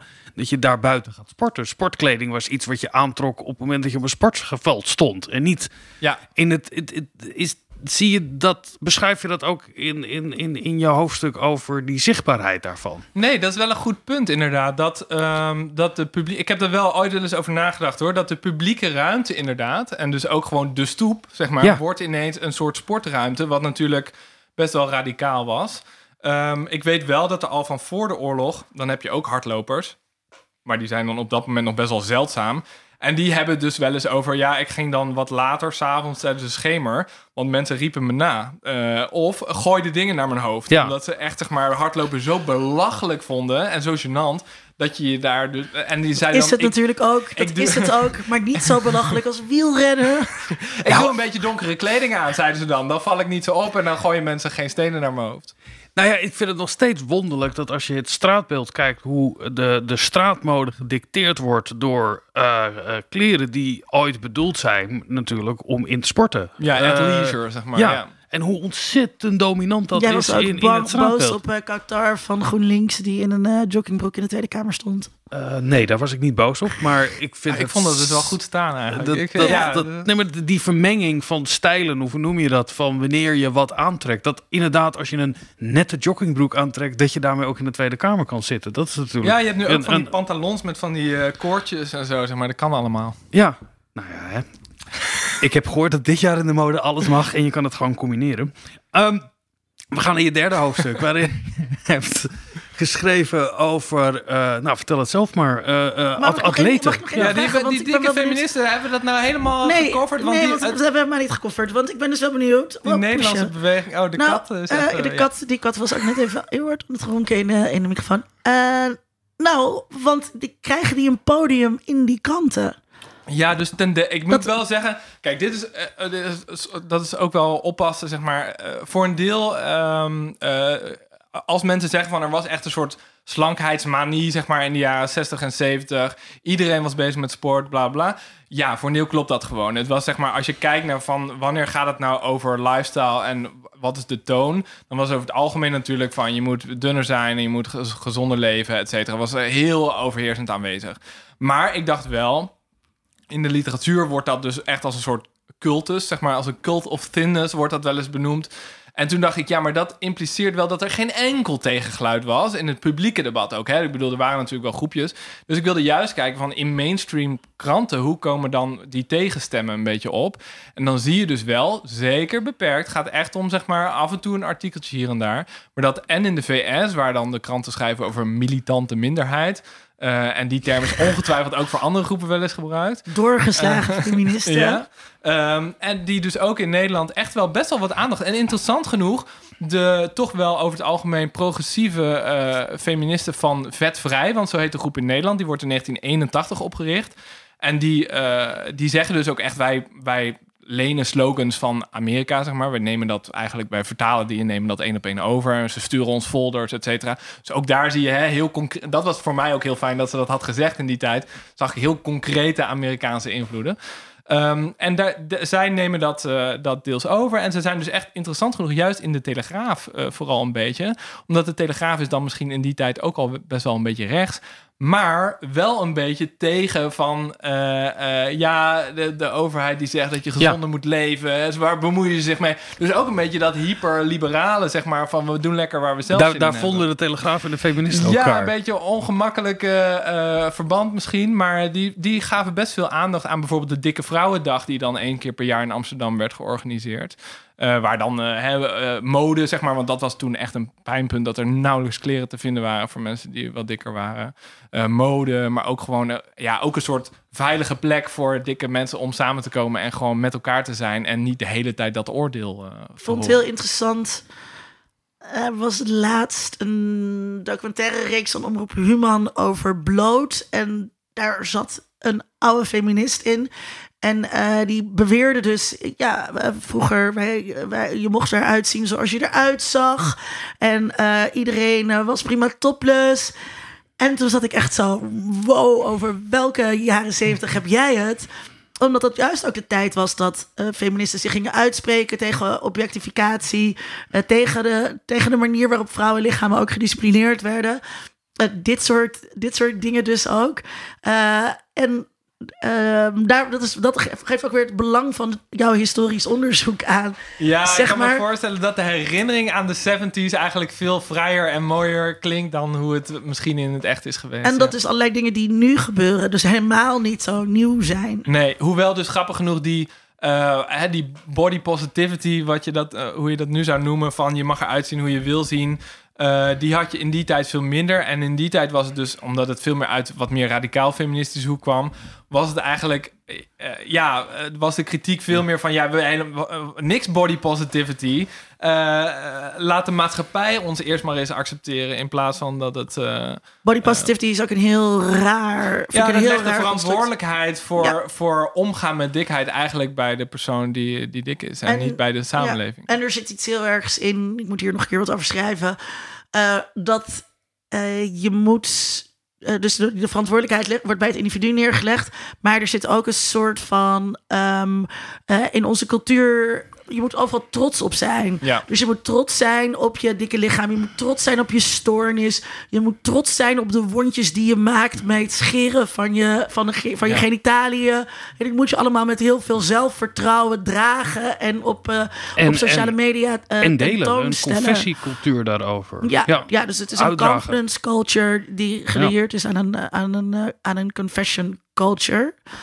Waar we best wat kritischer op mag, Ja. mag zijn. Want het Nou, is ook ik- weer uitvloeisel van de Ik denk dat er echt inspiratie te halen valt wat dat betreft uit de boodschap van feministen uit de jaren 70 en 80. Die eigenlijk wat radicaler waren en wat linkser ook dan, eh, dan hoe er soms nu naar, tegen, naar wordt gekeken. Inderdaad, wat ik op Instagram langs zie komen, vind ik niet altijd even... ehm, Het is niet altijd systeemkritiek. Ja, past inderdaad niet echt bij mijn beeld van hoe de samenleving werkt. En legt inderdaad de verantwoordelijkheid voor het probleem bij soms bij de verkeerde mensen. Ja, en als nu de, wil Vincent de, groot, graag, nee, maar als eh, de grootste industriële spelers opeens de partijen worden die eh, zich eh, systeemkritiek gaan leveren, dan Dat deugt het niet. Dan je, gaat ja. er iets eh, helemaal fout. Nee, misschien is Instagram ook niet het medium dan om eh, systeemkritiek te Nee, ik zat even te denken, jouw opmerking over de, de, de, de, de feminist die terugkijkt naar de jaren zeventig, hoe vrij het was. Ik weet nog wel dat ik aan mijn ouders vroeg bij welke happening zij precies aanwezig moeten zijn geweest in de jaren zestig. En toch iets terugkrijg van ja, nee, wij moesten gewoon werken. Weet je wel, dat, we- dat, dat, dat die gebeurtenissen, die eikpunten die er zijn, zo vertekenend zijn Ja. over het dagelijks leven Ja. van wat er gebeurt. Ja, we, nou ja, we hebben zeker over de jaren 60, maar ook over de jaren 70 natuurlijk met z'n allen wel een soort clichébeeld gecreëerd dat waarschijnlijk niet heel representatief was voor een groot deel. Van Nee, de hele dag op de dam slapen en dan weer, eh, ja, dat eh, gebeurde Dat niet. was voor mensen in de grote stad, zijn Ja. moeder altijd. Ja, en daar ook een heel klein clubje van. Waarschijnlijk met rijke ouders. Hoofdstuk, hoofdstuk, Oké, hoofdstuk- voor jou rekening. hoofdstuk 3. je hebt geschreven over Leontien van Moorsel. Nee, maar da- dat is hoofdstuk 4. En nu Oh. eerst eh, hoofdstuk 3 is eh, over de sportvoeding en de commercialisering Ja, daarvan. Ja. Nou, ja, die- jij, het is jouw proefschrift. Nou, ik ben blij. Dit gaat in ieder geval niet fout bij de verdediging. dat, eh, dit heb ik nog... eh, ja, nee, eh, hoofdstuk 3 is eigenlijk... Ik, ik wilde eigenlijk de hoofdstukken een beetje indelen... op basis van de verschillende actoren die er bij dit gigantische, langlopende maatschappelijke debat... Ja, debat is niet eens echt het juiste woord, maar... Ik vind discours altijd heel erg oppassen, want dan komen er weer allemaal boze cultural studies mensen die zeggen van, maar dat is niet precies wat discours is. Dus Wat zeg ik Foucault altijd- niet bedoeld. Precies, dus dan eh, zeg maar, en als je aan Foucault komt, dan voor je het weten zijn er weer drie Ik zeg graag mensen vertoog. die je bent ver- vergeten. te- dus, eh, dus ik zeg altijd maar debat, dan eh, is het een beetje sneaky, maar dan kom je er op die manier onderuit. Eh, maar er waren natuurlijk heel veel partijen bij betrokken en ik, hè, dat bureau was zeg maar meer vanuit, deels vanuit de overheid, vanuit de wetenschappelijke expert, de professionele, de getrainde expert, de opgeleide expert. Ehm, en dan wil ik een beetje kijken naar hoe kwam het aan. Nou, ja, dat zijn natuurlijk subgroepen waar ik naar heb gekeken waarbij het aankwam. Ehm, en ik wilde kijken naar media, die natuurlijk een soort overkoepelende rol hebben. Want alles wat deze actoren zeggen, komt op een gegeven moment ook weer in de media terecht. Dus media zijn eigenlijk een soort van. eh, die zijn overal. Eh, en in dit hoofdstuk wilde ik kijken naar de commerciële spelers, inderdaad. Dus eh, bedrijven die sportvoeding maken, of voeding die als gezond wordt gepresenteerd, of ook andere sportieve producten. Dus echt de industriële. En, en zijn dat dan eh, de, de uitgeverijen? Of, of het gaat echt over de, de, de Ik kijk wel in, voedingsproducenten? eh, toevallig voor dit hoofdstuk kijk ik in twee sportbladen. Dus in atletiekwereld, dat is echt zeg maar voor de atletiekwereld. Ja. Eh, en is best wel, eh, heeft een beperkte oplage en is best wel specifiek. En echt voor mensen die echt zelf sporten. En sport en sportwereld, wat op een gegeven moment een katern van het AD wordt. En dat is veel meer voor de geïnteresseerde sportlezer die lang niet altijd ook aan eh, sport deed. Eh, dus meer geïnteresseerd was in sport. En welke vraag heb je gesteld aan deze bronnen? Wat wil je deze bronnen laten vertellen? Ehm, ja, de precieze hoofdvraag van het artikel zou ik even niet meer zo goed weten. Maar ik wilde eigenlijk gewoon kijken van hoe wordt eh, dat gepresenteerd. En vooral dus ook hoe wordt het sportieve ingezet. Met name door te kijken naar hoe sportieve personen in advertenties werden gebruikt. Zeg maar. Dus eigenlijk hoe, eh, wat, hoe werden zij gepresenteerd en wat was de implicatie daar dan van. En dat Maar in die, zo'n tijdschrift als atletiekwereld. ja, in, zo- in die tijdschriften. En Ja. ik keek ook wel naar de, de meer redactionele kant. Dus ik keek ook wel naar van hoe schrijven die tijdschriften dan over bijvoorbeeld sport, eh, maar vooral over sportvoeding ook. En over producten dus ook. Maar ik keek ook naar advertenties van melk bijvoorbeeld, die dan laten zien van als je meer melk drinkt, dan word je beter in korfballen. Melk, En, de eh, witte motor. Melk de witte... ma- Nou, die slogan komt letterlijk ook in bijvoorbeeld de atletiekwereld voor, inderdaad. Dus dat werd echt als een sportdrank eh, ge- gepresenteerd. Het was echt... we- Dat zie je nu ook natuurlijk minder, hoewel proteïne nog steeds wel echt een heel duidelijke connectie heeft met sportiviteit. Maar melk niet meer zo. Terwijl er in die tijd was melk echt... De, werd echt als... Nou ja, zat heel veel geld achter, maar werd echt gepresenteerd als de sportdrank. je, je neemt hier 20 jaar in dit, Ja. eh, dit hoofdstuk. Ehm, welke ontwikkeling zie je daar dan in? Bestond atletiekwereld al in 1960? Dat, Eh, eh, ja, ja, ja. ja, sterker nog in de jaren 50 al. Ja, Oh, wauw. ja, ja, de atletiek is natuurlijk wel een van de wat eh, oudere... Ja, het is natuurlijk een verzamelingssporten eigenlijk... maar een van de wat oudere sporten. Ik bedoel, er zijn ook... eh, darts was bijvoorbeeld in deze tijd nog niet zo groot in, eh, in Nederland. Maar atletiek is best wel... ja, is dan al best wel geïnstitutionaliseerd. ja, Dus maar de, de socialisten hielden ervan, maar de fascisten ook, volgens mij. Dat, ja, dat- nou, het is inderdaad. en dan heb je het natuurlijk ook over de Olympische Spelen. Het is natuurlijk ook wel. ja, het is, het, het is op allerlei manieren ingezet, zou je kunnen zeggen. En wat is, je wat is je conclusie? Nou, ik heb vooral gekeken naar gender. Eh. Dus ik wilde kijken hoe die sporters werden gepresenteerd in die advertenties. Ehm, en ik, ik vond het interessant. Ten eerste gewoon heb ik gewoon geteld. Dus eh, dit was dan weer, hè, als we het hebben over hoe ga je met je bronnen om. Ja. Bij deze had ik zo'n eh, behapbare eh, eh, datasetje dat ik dacht, nou, gaan we eens tellen. Ehm, en dan zag ik dat al snel dat je gewoon heel weinig vrouwelijke sporters überhaupt tegenkwam in die, in die advertenties. Dat vond ik al interessant, dat de sportvoeding blijkbaar eh, lastiger te verkopen is door sportvrouwen te presenteren. Dan kun je natuurlijk nog steeds afvragen, is dat omdat er... Sportvrouwen zijn natuurlijk niet echt eh, sport. Vrouwen. Dus, eh, eh, eh, dus u vrouwen, nou, vrouwen, vrouwelijke sporters worden altijd lager gewaardeerd dan mannelijke sporters. Ja. Ja. Want we zijn toch te loser, we worden te loserig gevonden. Eh, dus een echte eh, marathonloper, dat is een man. Ja. En een echte Ja, bodybuilder je voetbal, is een je man. hebt voetbal en vrouwenvoetbal. En- dat ja, zijn, precies. Maar wat interessant is, is dat in, bijvoorbeeld in de atletiek... atletiek is een... eh, je moet oppassen met wat je zegt natuurlijk... maar een relatief geëmancipeerde eh, tak van sport... vergeleken met sommige andere... vergeleken met bijvoorbeeld voetbal. Hè? Dus, in de jaren, eh, dus in de jaren 60, vergeleken met voetbal... Hè, het blijft allemaal natuurlijk... Eh, mannen zijn overal heel dominant... en dus ook inderdaad het beeld van de mannelijke sporter. Maar als je bijvoorbeeld de atletiekwereld leest... dan zie je heel vaak bijvoorbeeld vrouwen op de cover... Eh, met een prachtige sportieve prestatie die ze hebben geleverd. En het is ook wat In dat een betreft... bikini. Eh, sorry? In een bikini. Ja, kijk, kleding is weer, is weer een heel ander punt. En daar was ook inderdaad in de atletiek in die tijd heel veel strijd over. Er waren ook wel, zeg maar, vrouwen die een beetje... eh, ja, die werden dan door de mannen natuurlijk gezien als ingewikkelde figuren die, die moeilijk probeerden te doen, maar die echt de feministische strijd voor andere kleding ook toen al aan het voeren waren. Maar eh, in deze tijd, dus in de atletiekwereld, zie je de vrouwen op de cover, zie je heel veel vrouwelijke content. En ook interessant genoeg, op het moment dat de redacteuren een beetje op een laatdunkende wijze schrijven over vrouwen of te veel aandacht hebben voor mannen, krijgen ze zelfs ingezonden brieven die zeggen: Nou, het mag wel eh, wat minder. Nou, de ene brief specifiek over in deze tijd van hè, eh, emancipatie mag je wel Het is wat minder schrijven. 1973. doe Ja, normaal. mag je wel wat minder schrijven over het uiterlijk van die vrouwen en wat meer gewoon over hun Maar prestaties. door een vrouw werd dat ingestuurd. Eh, was dat, Dat toen ook ik heel geëmancipeerde mannen. Dat was toen ook een Weet ik van die, van die, van die het die aan het joggen waren. Maar je zou ook een verklaring kunnen vinden in dat het leesgedrag van mannen en vrouwen ook anders is. Daar eh, mannen meer special interest eh, bladen lezen, zoals over atletiek. En bij vrouwen in de regel veel meer gericht is op de magazine. eh, waar Nou, Want een alle- vrouwenblad is eh, geen special interest. Anders, anders dan... Modeblad is geen special interest. Eh, Ja, Vincent, Nou, nee, in- nee, ik denk dat dat veel breder is ingestoken. Veel meer een lifestyle is. En dat er veel Vrouw meer zijn. mannenbladen, tenminste, die, ik zeg niet dat wie het leest, maar waar het op gericht is, veel meer vanuit een special interest over eh, eh, bouwpakketten in elkaar zetten. Eh, luisteraar, ik judge nu met mijn ogen. ja, maar jij kent toch ook. Jij, ik ik moet je gaat me nu aankijken alsof ik iets heel raars zeg. Ik zeg niet of het goed is, maar het is wel hoe in de jaren 60, 70, 80 in ieder geval eh, de doelgroepbepaling eh, werd gedaan door maar tijdschriften. Dit, ik kan dit heel makkelijk oplossen door te zeggen dat in ieder geval voor deze twee tijdschriften het iets anders ligt. De atletiekwereld was het tijdschrift van de Atletiekbond. Dus was gewoon iedereen Ah. die lid was van Ja. de Atletiekbond kreeg dat tijdschrift. Eh, wat ook betekent dat dat dus de genderbalans onder de lezers relatief gelijk was. Ehm, en dat was natuurlijk deels ook misschien wel waarom ze dachten van we moeten af en toe ook een vrouw op de voorkant zetten. Dat zou wel kunnen. Alleen interessant genoeg dus, en daar zien we het verschil tussen de redactionele inhoud, eh, die ook overigens in het andere tijdschrift eh, best vaak heel positief over vrouwen, ook over sportieve, ook zelfs over eh, gespierde vrouwen, soms best positief. Ehm, alleen eh, de, ehm, de, de commerciële content, dus de puur commerciële, de, de voedselproducten die men probeerde aan te prijzen, daar kwamen wel voornamelijk mannen in voor.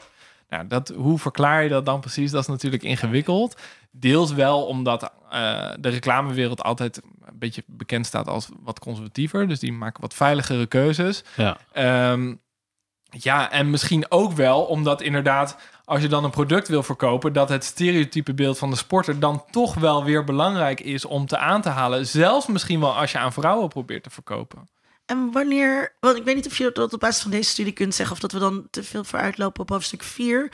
Wanneer worden sporters ingezet? Volgens mij heeft Johan Cruijff ooit nog reclame gemaakt voor rook, voor, voor een sigarettenmerk. Maar wanneer worden sporters, En tegenroken later, dat is dan wel weer Ja. waar. Ja. Wanneer worden zij eh, een soort van, eh, wanneer worden celebrity endorsements een ding met sporters? Oef, ehm, eh, dat gaat heel ver terug. Volgens mij Jaap Eden eh, aan het einde van de 19e eeuw, of begin 20e eeuw, die heeft dan al eh, chocola, eh, soort tabletten, geloof ik. En dat is, eh, dat is een schaatser, eh, eh, fietser, zeg maar, eh, die dan al eh, Eh, en dat, dat gaat al heel snel. Oh, En ook überhaupt sportvoeding, zeg maar, chocoladereep van Quatta en zo, ook al in de jaren tien en zo.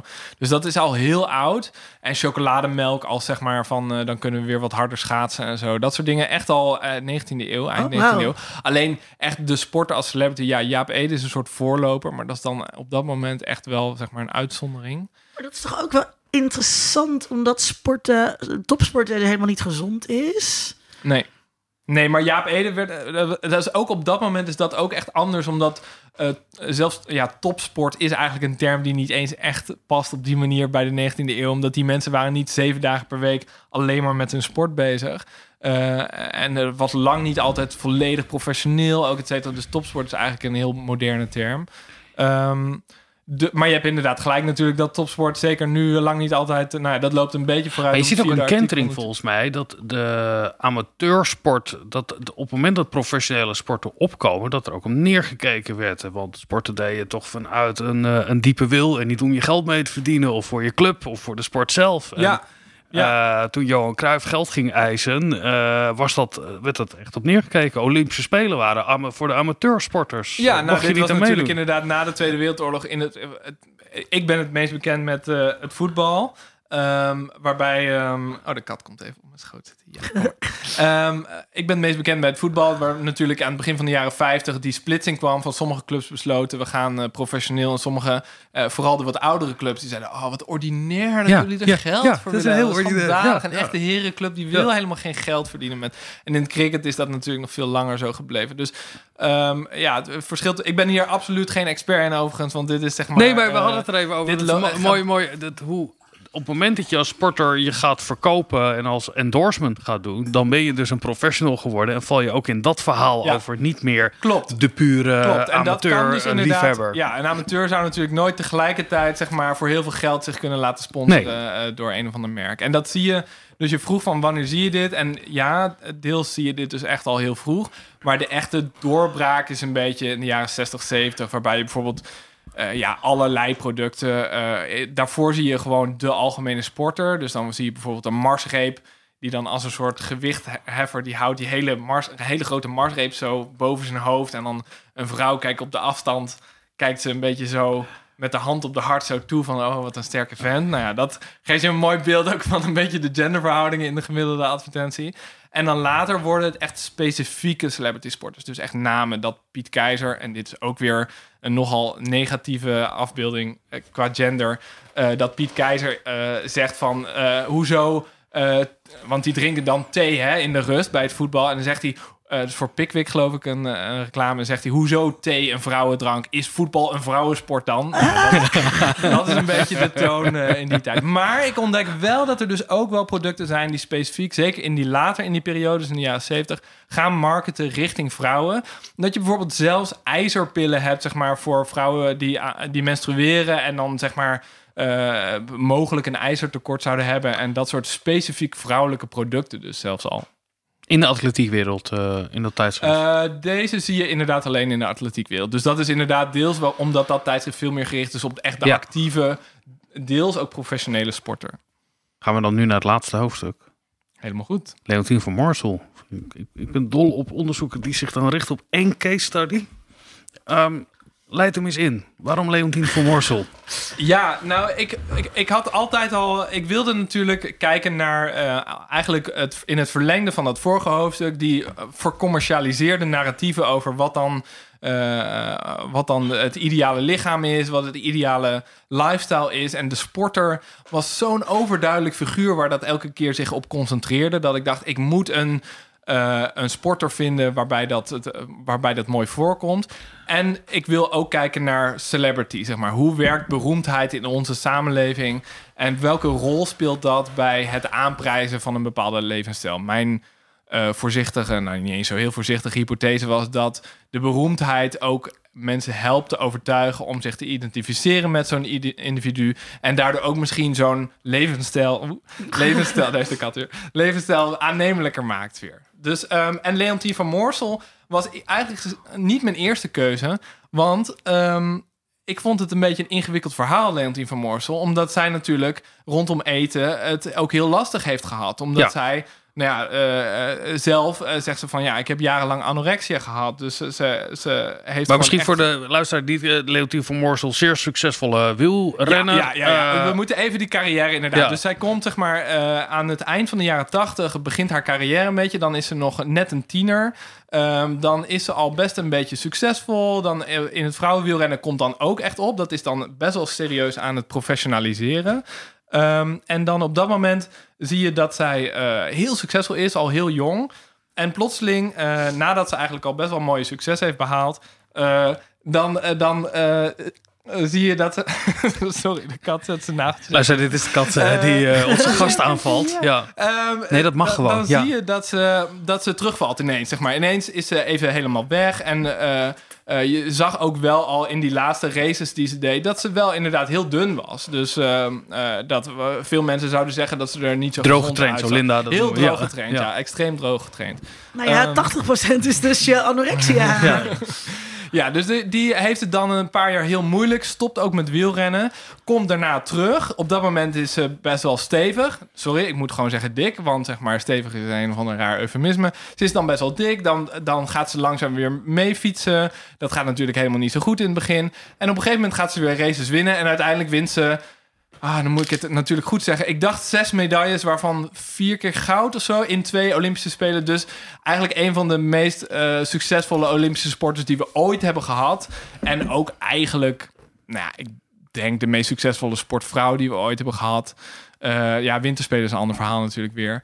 Ehm, en eigenlijk ook de, de bekendste sportvrouw die we ooit hebben gehad. Want er zijn vier biografieën over haar geschreven. Volgens mij is alleen Johan Cruijff is de sporter waar meer biografieën over zijn geschreven. Dus aan de ene kant vond ik er een heel aantrekkelijke case, omdat ze zeg maar, zo, ze is zo uber beroemd en niet alleen in Nederland. Hè. Leontien staat bijna gelijk aan Leontien van Moorsel. Ze is een beetje first name basis met ons allemaal.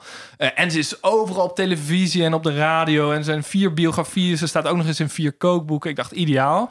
Maar ik vond het ook ingewikkeld. Ik dacht ook, moet ik niet een case kiezen die wat eh, eenvoudig in elkaar zit, waarbij de sporter gewoon het positieve voorbeeld is? Omdat Leontien van Moorsel juist door haar levensverhaal ook een beetje de boodschap is van ja, doe niet zoals ik, de topsporter, want dan loopt het soms ook verkeerd af. is, ik vind het zo fascinerend. Ik heb helemaal niks met wielrennen, dus ik weet ook niet zo heel veel van Leontien van Morsel. Maar ehm, dat zij dus met anorexia, wat echt moord op je lichaam is, eh, of een zelfmoord op je lichaam is, ehm, zo goed was. En eh, dat, dat laat natuurlijk zien waartoe het lichaam allemaal in staat is. En dat het dus helemaal niet zo moet zijn, hoeft te zijn, dat je heel gezond moet eten om een topsporter te zijn. En vervolgens natuurlijk, wat je zei, toen ze best wel dik was, eh, met meer gewicht. Wielrenners zijn vaak klein en zo. Met meer gewicht, alsnog weer won. Ja. En eh, dat maakt haar natuurlijk ook een hele rare eh, celebrity endorser. Ehm, omdat ze dus niet dat perfecte lichaam had.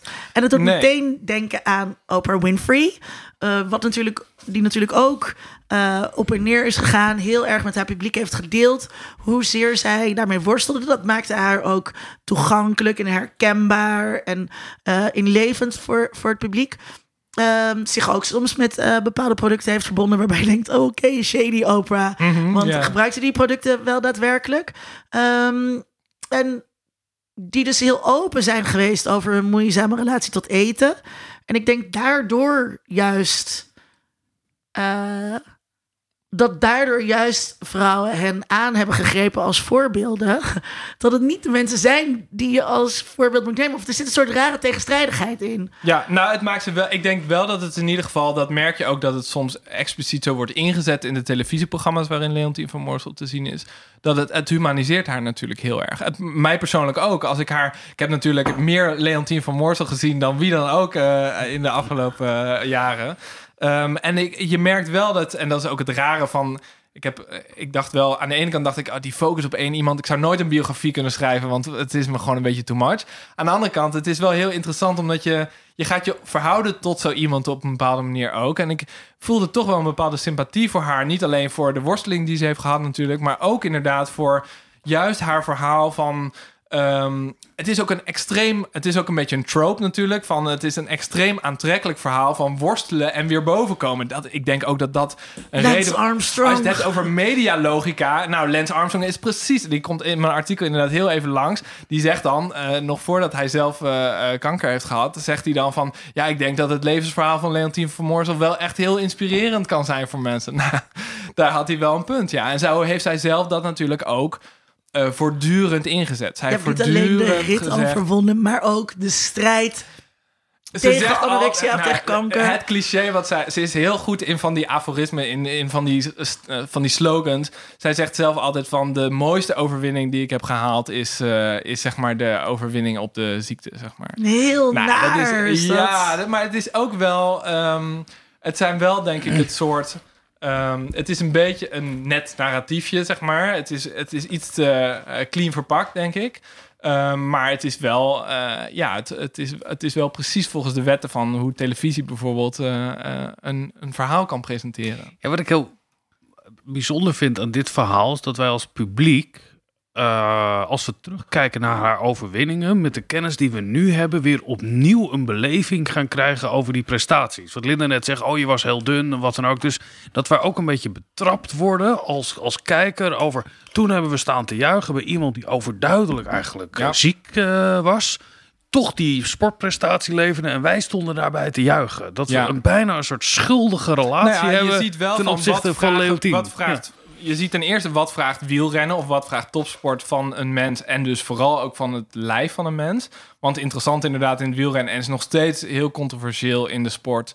Ehm, dat eh eetstoornissen zijn niet zo uniek in het wielrennen. Er komt veel voor omdat je dus zeker als je in het klassement een beetje... Want dat was vooral... Leontien van Moorsel ontdekte... Ik kan af en toe wel een race winnen... maar als ik echt in het klassement mee wil doen... voor bijvoorbeeld de Tour voor vrouwen... dan moet ik een berg op kunnen. En als je een berg op wil kunnen... dan moet je dat die sweet spot, zeg maar... van wel nog enig trapvermogen... maar wel nog zo licht, zulke...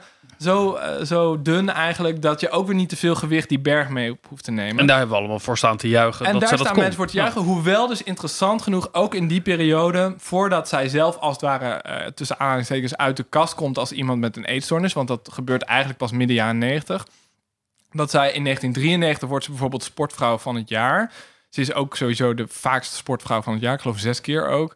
Ehm, en ehm, eh, dan krijgt ze, het is een absurd moment op Nederlandse televisie. Dan krijgt ze een gigantisch roombroodje. Maar echt zeg maar zo groot als een dijbeen of zo, nog groter. Krijgt ze door een chef aangeboden.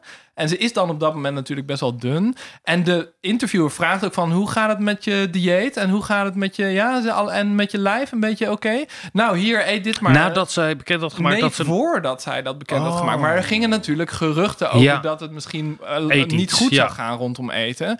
En ik vond het, nou ja, als we het hebben over van wat humaniseert haar... of wat maakt dat je als onderzoeker ook eh, eh, sympa- sympathie voelt naar je onderwerp. Ik dacht dat de arme Leontien van Moors, die staat er op het podium... en die wordt echt vernederd gewoon Ja. met zo'n stom kut roombroodje, zeg maar. op haar. En als je Alle- anorexia ja. hebt, kan je helemaal niet goed eten. onder toezicht Het is van echt anderen. waanzinnig om dat terug te zien. En ze was ook bij Paul de Leeuw, die er ook, weet je, op zijn, in zijn haha, het ma- het mag allemaal gezegd worden, stijl, zeg maar, eh, haar, ja, eigenlijk wederom vernederd. En ook, zeg maar, meer uit haar krijgen dan ze eigenlijk misschien zou willen vertellen. Ja, en dan zie je wel ook hoe genadeloos de maatschappij Ja, hoe vreed hoe vreed media ook kunnen Ja. zijn. Maar het, het is, het is ook eh, voor mensen met eetstoornissen eh, is eh, alles wat zeg maar heel gericht is op heel veel meten en heel veel vergelijking. En wat je zegt, je moet precies de break-even point weten te vinden tussen genoeg voorraad vet om de berg mee op te kunnen, maar ook dun genoeg om dat te kunnen. Dat soort, dat werkt heel erg eetstoornissen in de hand. En ehm, en ja, die topsport is natuurlijk helemaal, is helemaal niet gezond. Het is helemaal Nee. niet gezond om zoiets van je, van je lichaam te vragen. En ik denk dat dat besef er toen nog... Kijk, dat is er nu wel. Er is, eh, in 2016 dacht ik... en er zijn nog steeds topsporters zijn, eh, ook, eh, ook de endorsers van en, dingen. En zeker bij wielrennen is het nog steeds een issue. Maar je zag wel, in 2016 is er een rapport volgens mij uitgekomen over wielrennen dus. En dan juist ook in de, zeg maar, de, de, de talenten, zeg maar. Dus niet zozeer ah, de mega gevestigde namen, maar juist, zeg maar, de, de, de aanstormende groep. En daaruit bleek uit die interviews die men in het veld had gedaan van, oh ja, het werkt echt eetstoornis in de hand, omdat je gewoon de hele tijd wordt gevraagd om je lijf te monitoren. En elk, je weet gewoon dat grammetje, het is ook echt zo dat een grammetje te veel echt cruciaal kan zijn. Elk hapje roombrood dat je dus doet. je, bent, je gaat vanzelf heel obsessief met eten bezig zijn. Ja. Dat is natuurlijk wel, eh, dat is gewoon een effect van, van, van de en ook heel veel eigenlijk. coaches die daarmee bezig zijn. Ook in Nou ja, turnen, in De coach ballet. van Leontien ja. van Moorsel zei dus... eh, eh, dikke reten winnen geen races. Ja, nou, dat heeft wel... eh, ik bedoel, zij heeft zelf ook gezegd van... dat was niet, zeg maar, de bron van, mijn, van al mijn issues. En dat wil ik ook helemaal niet sowieso presenteren. Maar het geeft wel de cultuur een beetje aan die er op dat moment is. Het was ook een hele harde cultuur. Er is nu, zie je nu ook bij de hockeyvrouwen weer... er is ook meer bewustzijn, denk ik, niet alleen om, rondom eten... maar überhaupt om van wat voor sfeer proberen we neer te zetten... waarin mensen op een veilige manier goede prestaties kunnen neerzetten. Ja, Ik heb zat laatst naar boksen te kijken, naar een gevecht tussen twee eh, vrouwen. En de commentator echt zei... Ja, kijk, zij is een fantastische bokser. En ondanks dat ze... Ze is een hele goede bokser, maar ze is er ook gewoon vrouw bij gebleven. en dat was ongeveer... Dat, dat, je, dat je als topsporter... Ja, heel veel van die vrouwen zijn natuurlijk waanzinnig afgetraind. Omdat je moet vechten. Ja, Maar dat je... Nee, deze was een uitzondering. Want die was Visuele, ook onder- gewoon vrouw visuele ondertiteling Linda Ja. en dat rolt weer met haar ogen. Ik heb hier ook wel eens over geschreven dat topsport eigenlijk... dat topsport is altijd misbruik van coaches. Want die proberen je altijd tot het uiterste te pushen. En dat is gewoon misbruik. ja, Er is een heel verschil tussen wat mijn trainer met mij probeert te doen en wat een, wat een coach eh, probeert te doen. En zeker op, op vlak van voeding. Daarom vind ik het Ja. zo raar dat die topsporters zo als helden vereerd worden en voor dit soort dingen ingezet. Maar goed. Dat Nou ja, is, ik eh, vond, er was een tijdje geleden een documentaire op de publieke omroep over eh, eh, gym. Dus zeg maar, en dan hele jonge kinderen die daar heel ver in probeerden Ja. te komen. turnen, ja. En hoe eh, turnen en hoe, die, hoe, die, eh, hoe daar met die kinderen werd omgegaan. Ja, ik vond het echt heel onprettig om te zien. Om te en zeg maar, een topsporter zal zeggen van ja, maar het is of dat of geen topsport. Precies, ja. Ja, Dan maar zeg geen... maar, als, ja. als iemand die verder... Ja, ik kijk wel graag naar sport, maar ik kan ook wel zonder. eh, Zou ik bijna zeggen van... Ja, is dat is, is best wel onethisch wat daar allemaal gebeurt in zo'n zaaltje. Dat is dus eh, mijn punt. John, eh, eh, deze wel edel, zeer geleerden, ze hebben veel vertrouwen in jouw verdediging eh, over, een, over een tijdje. Maar we willen graag de aflevering afsluiten met het beantwoorden van een vraag. Want dat doen we altijd. En de vraag, en dan kom ik zo, mag jij hem beantwoorden, geef ik eerst Linda het woord. Als je een eetgeschiedenis schrijft, wat leer je dan eigenlijk over de samenleving? Alles. Ehm, eten is een van de allerbelangrijkste. We, we moeten, we moeten eten. En ehm, eh, ja, dus, dus dat maar. Eten is zoveel meer.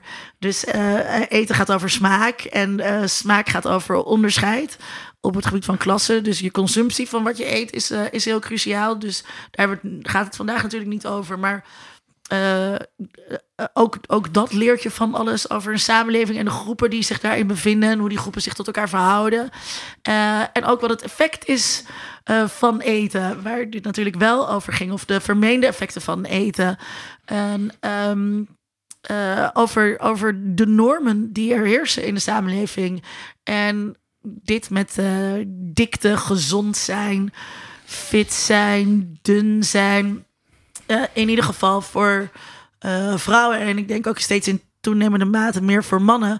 Maar voor vrouwen is het een extreem disciplinerend eh, iets. Ik denk dat ik elf was of zo. Toen ik aan mijn moeder vroeg of ze voortaan Cola Light wilde kopen. Dat is best wel jong om, om je daarmee bezig te gaan houden als jong meisje. Dat is, dus dat is, dit is iets wat ehm, eh, het leven van vrouwen en dus steeds naarmate ook van mannen eh, beheerst om, om, je, om te voldoen aan allerlei normen in de samenleving. En dat gaat dus niet, niet zozeer over het schoonheidsideaal. Dat vind ik dus interessant, waar we het vandaag de hele tijd over gehad hebben.